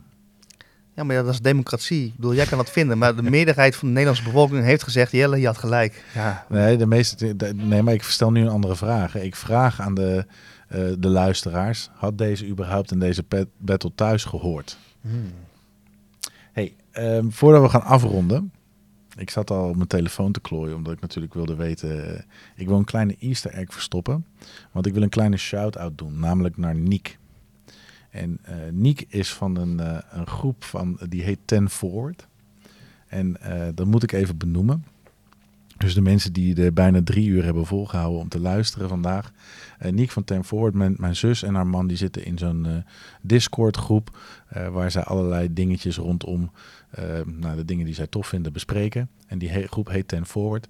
En eh Ilse, mijn zus, die verbaast zich er soms om dat ze lijken vergeten dat, het, eh, eh, dat die podcast van mij is en dat zij mij kent. Want er- dat wordt, daar wordt over gesproken alsof ze er niet bij is, zeg maar. En dat over onze podcast. ja, dus daar zijn een aantal mensen die zijn die podcast gaan luisteren, omdat ze daar waarschijnlijk ooit iets over gezegd heeft. En dan zeg je, oh ja, bij het broertje van Ilse, dit en dat, zus en zo. Of bij Karton werd dit en dit gezegd. Dus Niek, dank je wel voor het promoten bij Ten Forward van onze podcast. Nice. En trouwens, mocht je dus hier naar luisteren en denken... hé, hey, ik weet nog meer eerste... I- I- zo, ja, we zijn al bijna drie uur bezig. Zijn er nog easter eggs in andere bordspellen? Hè? Weet je nog iets? Laat het even weten. Ik vind het echt leuke feitjes. Ja, absoluut. En ehm, ja, laten we gewoon eh, dit jaar weer veel mooie podcasts gaan maken. We hebben mooie lijstjes met eh, ideeën.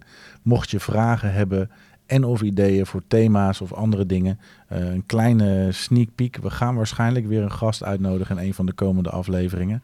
Eh, dus dat wordt ook weer een leuke. Maar heb je ideeën waar we wat mee moeten? uh, kartondepodcast.gmail.com of het YouTube-kanaal en Instagram Spellen of Koning Bordspel YouTube of Insta of Facebook.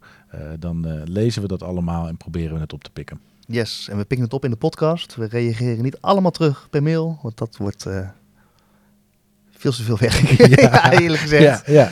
ja dus, uh, maar uh, ja, tof dat iedereen weer heeft geluisterd. En de aantallen blijven ook groeien, dus dat wordt echt leuk. En ja, het is echt een beetje onze podcast. Niet, niet ons, maar ons. Van ons, de community. Groep, ja, ja absoluut. Dus, nou, Luc, jij bedankt voor deze bedankt, bijna drie uur weer. Um, de volgende battle gaan we wel beter voorbereiden. Of dan moeten we iets scherper willen doen. Dus die, gaat, die moet snoeihard worden. Ja. dit was wel een beetje slappe hap. Komt goed, mensen. Yes, oké. Okay. Allemaal bedankt voor het luisteren. En tot de volgende keer. Later. Later. Cartoon, cartoon.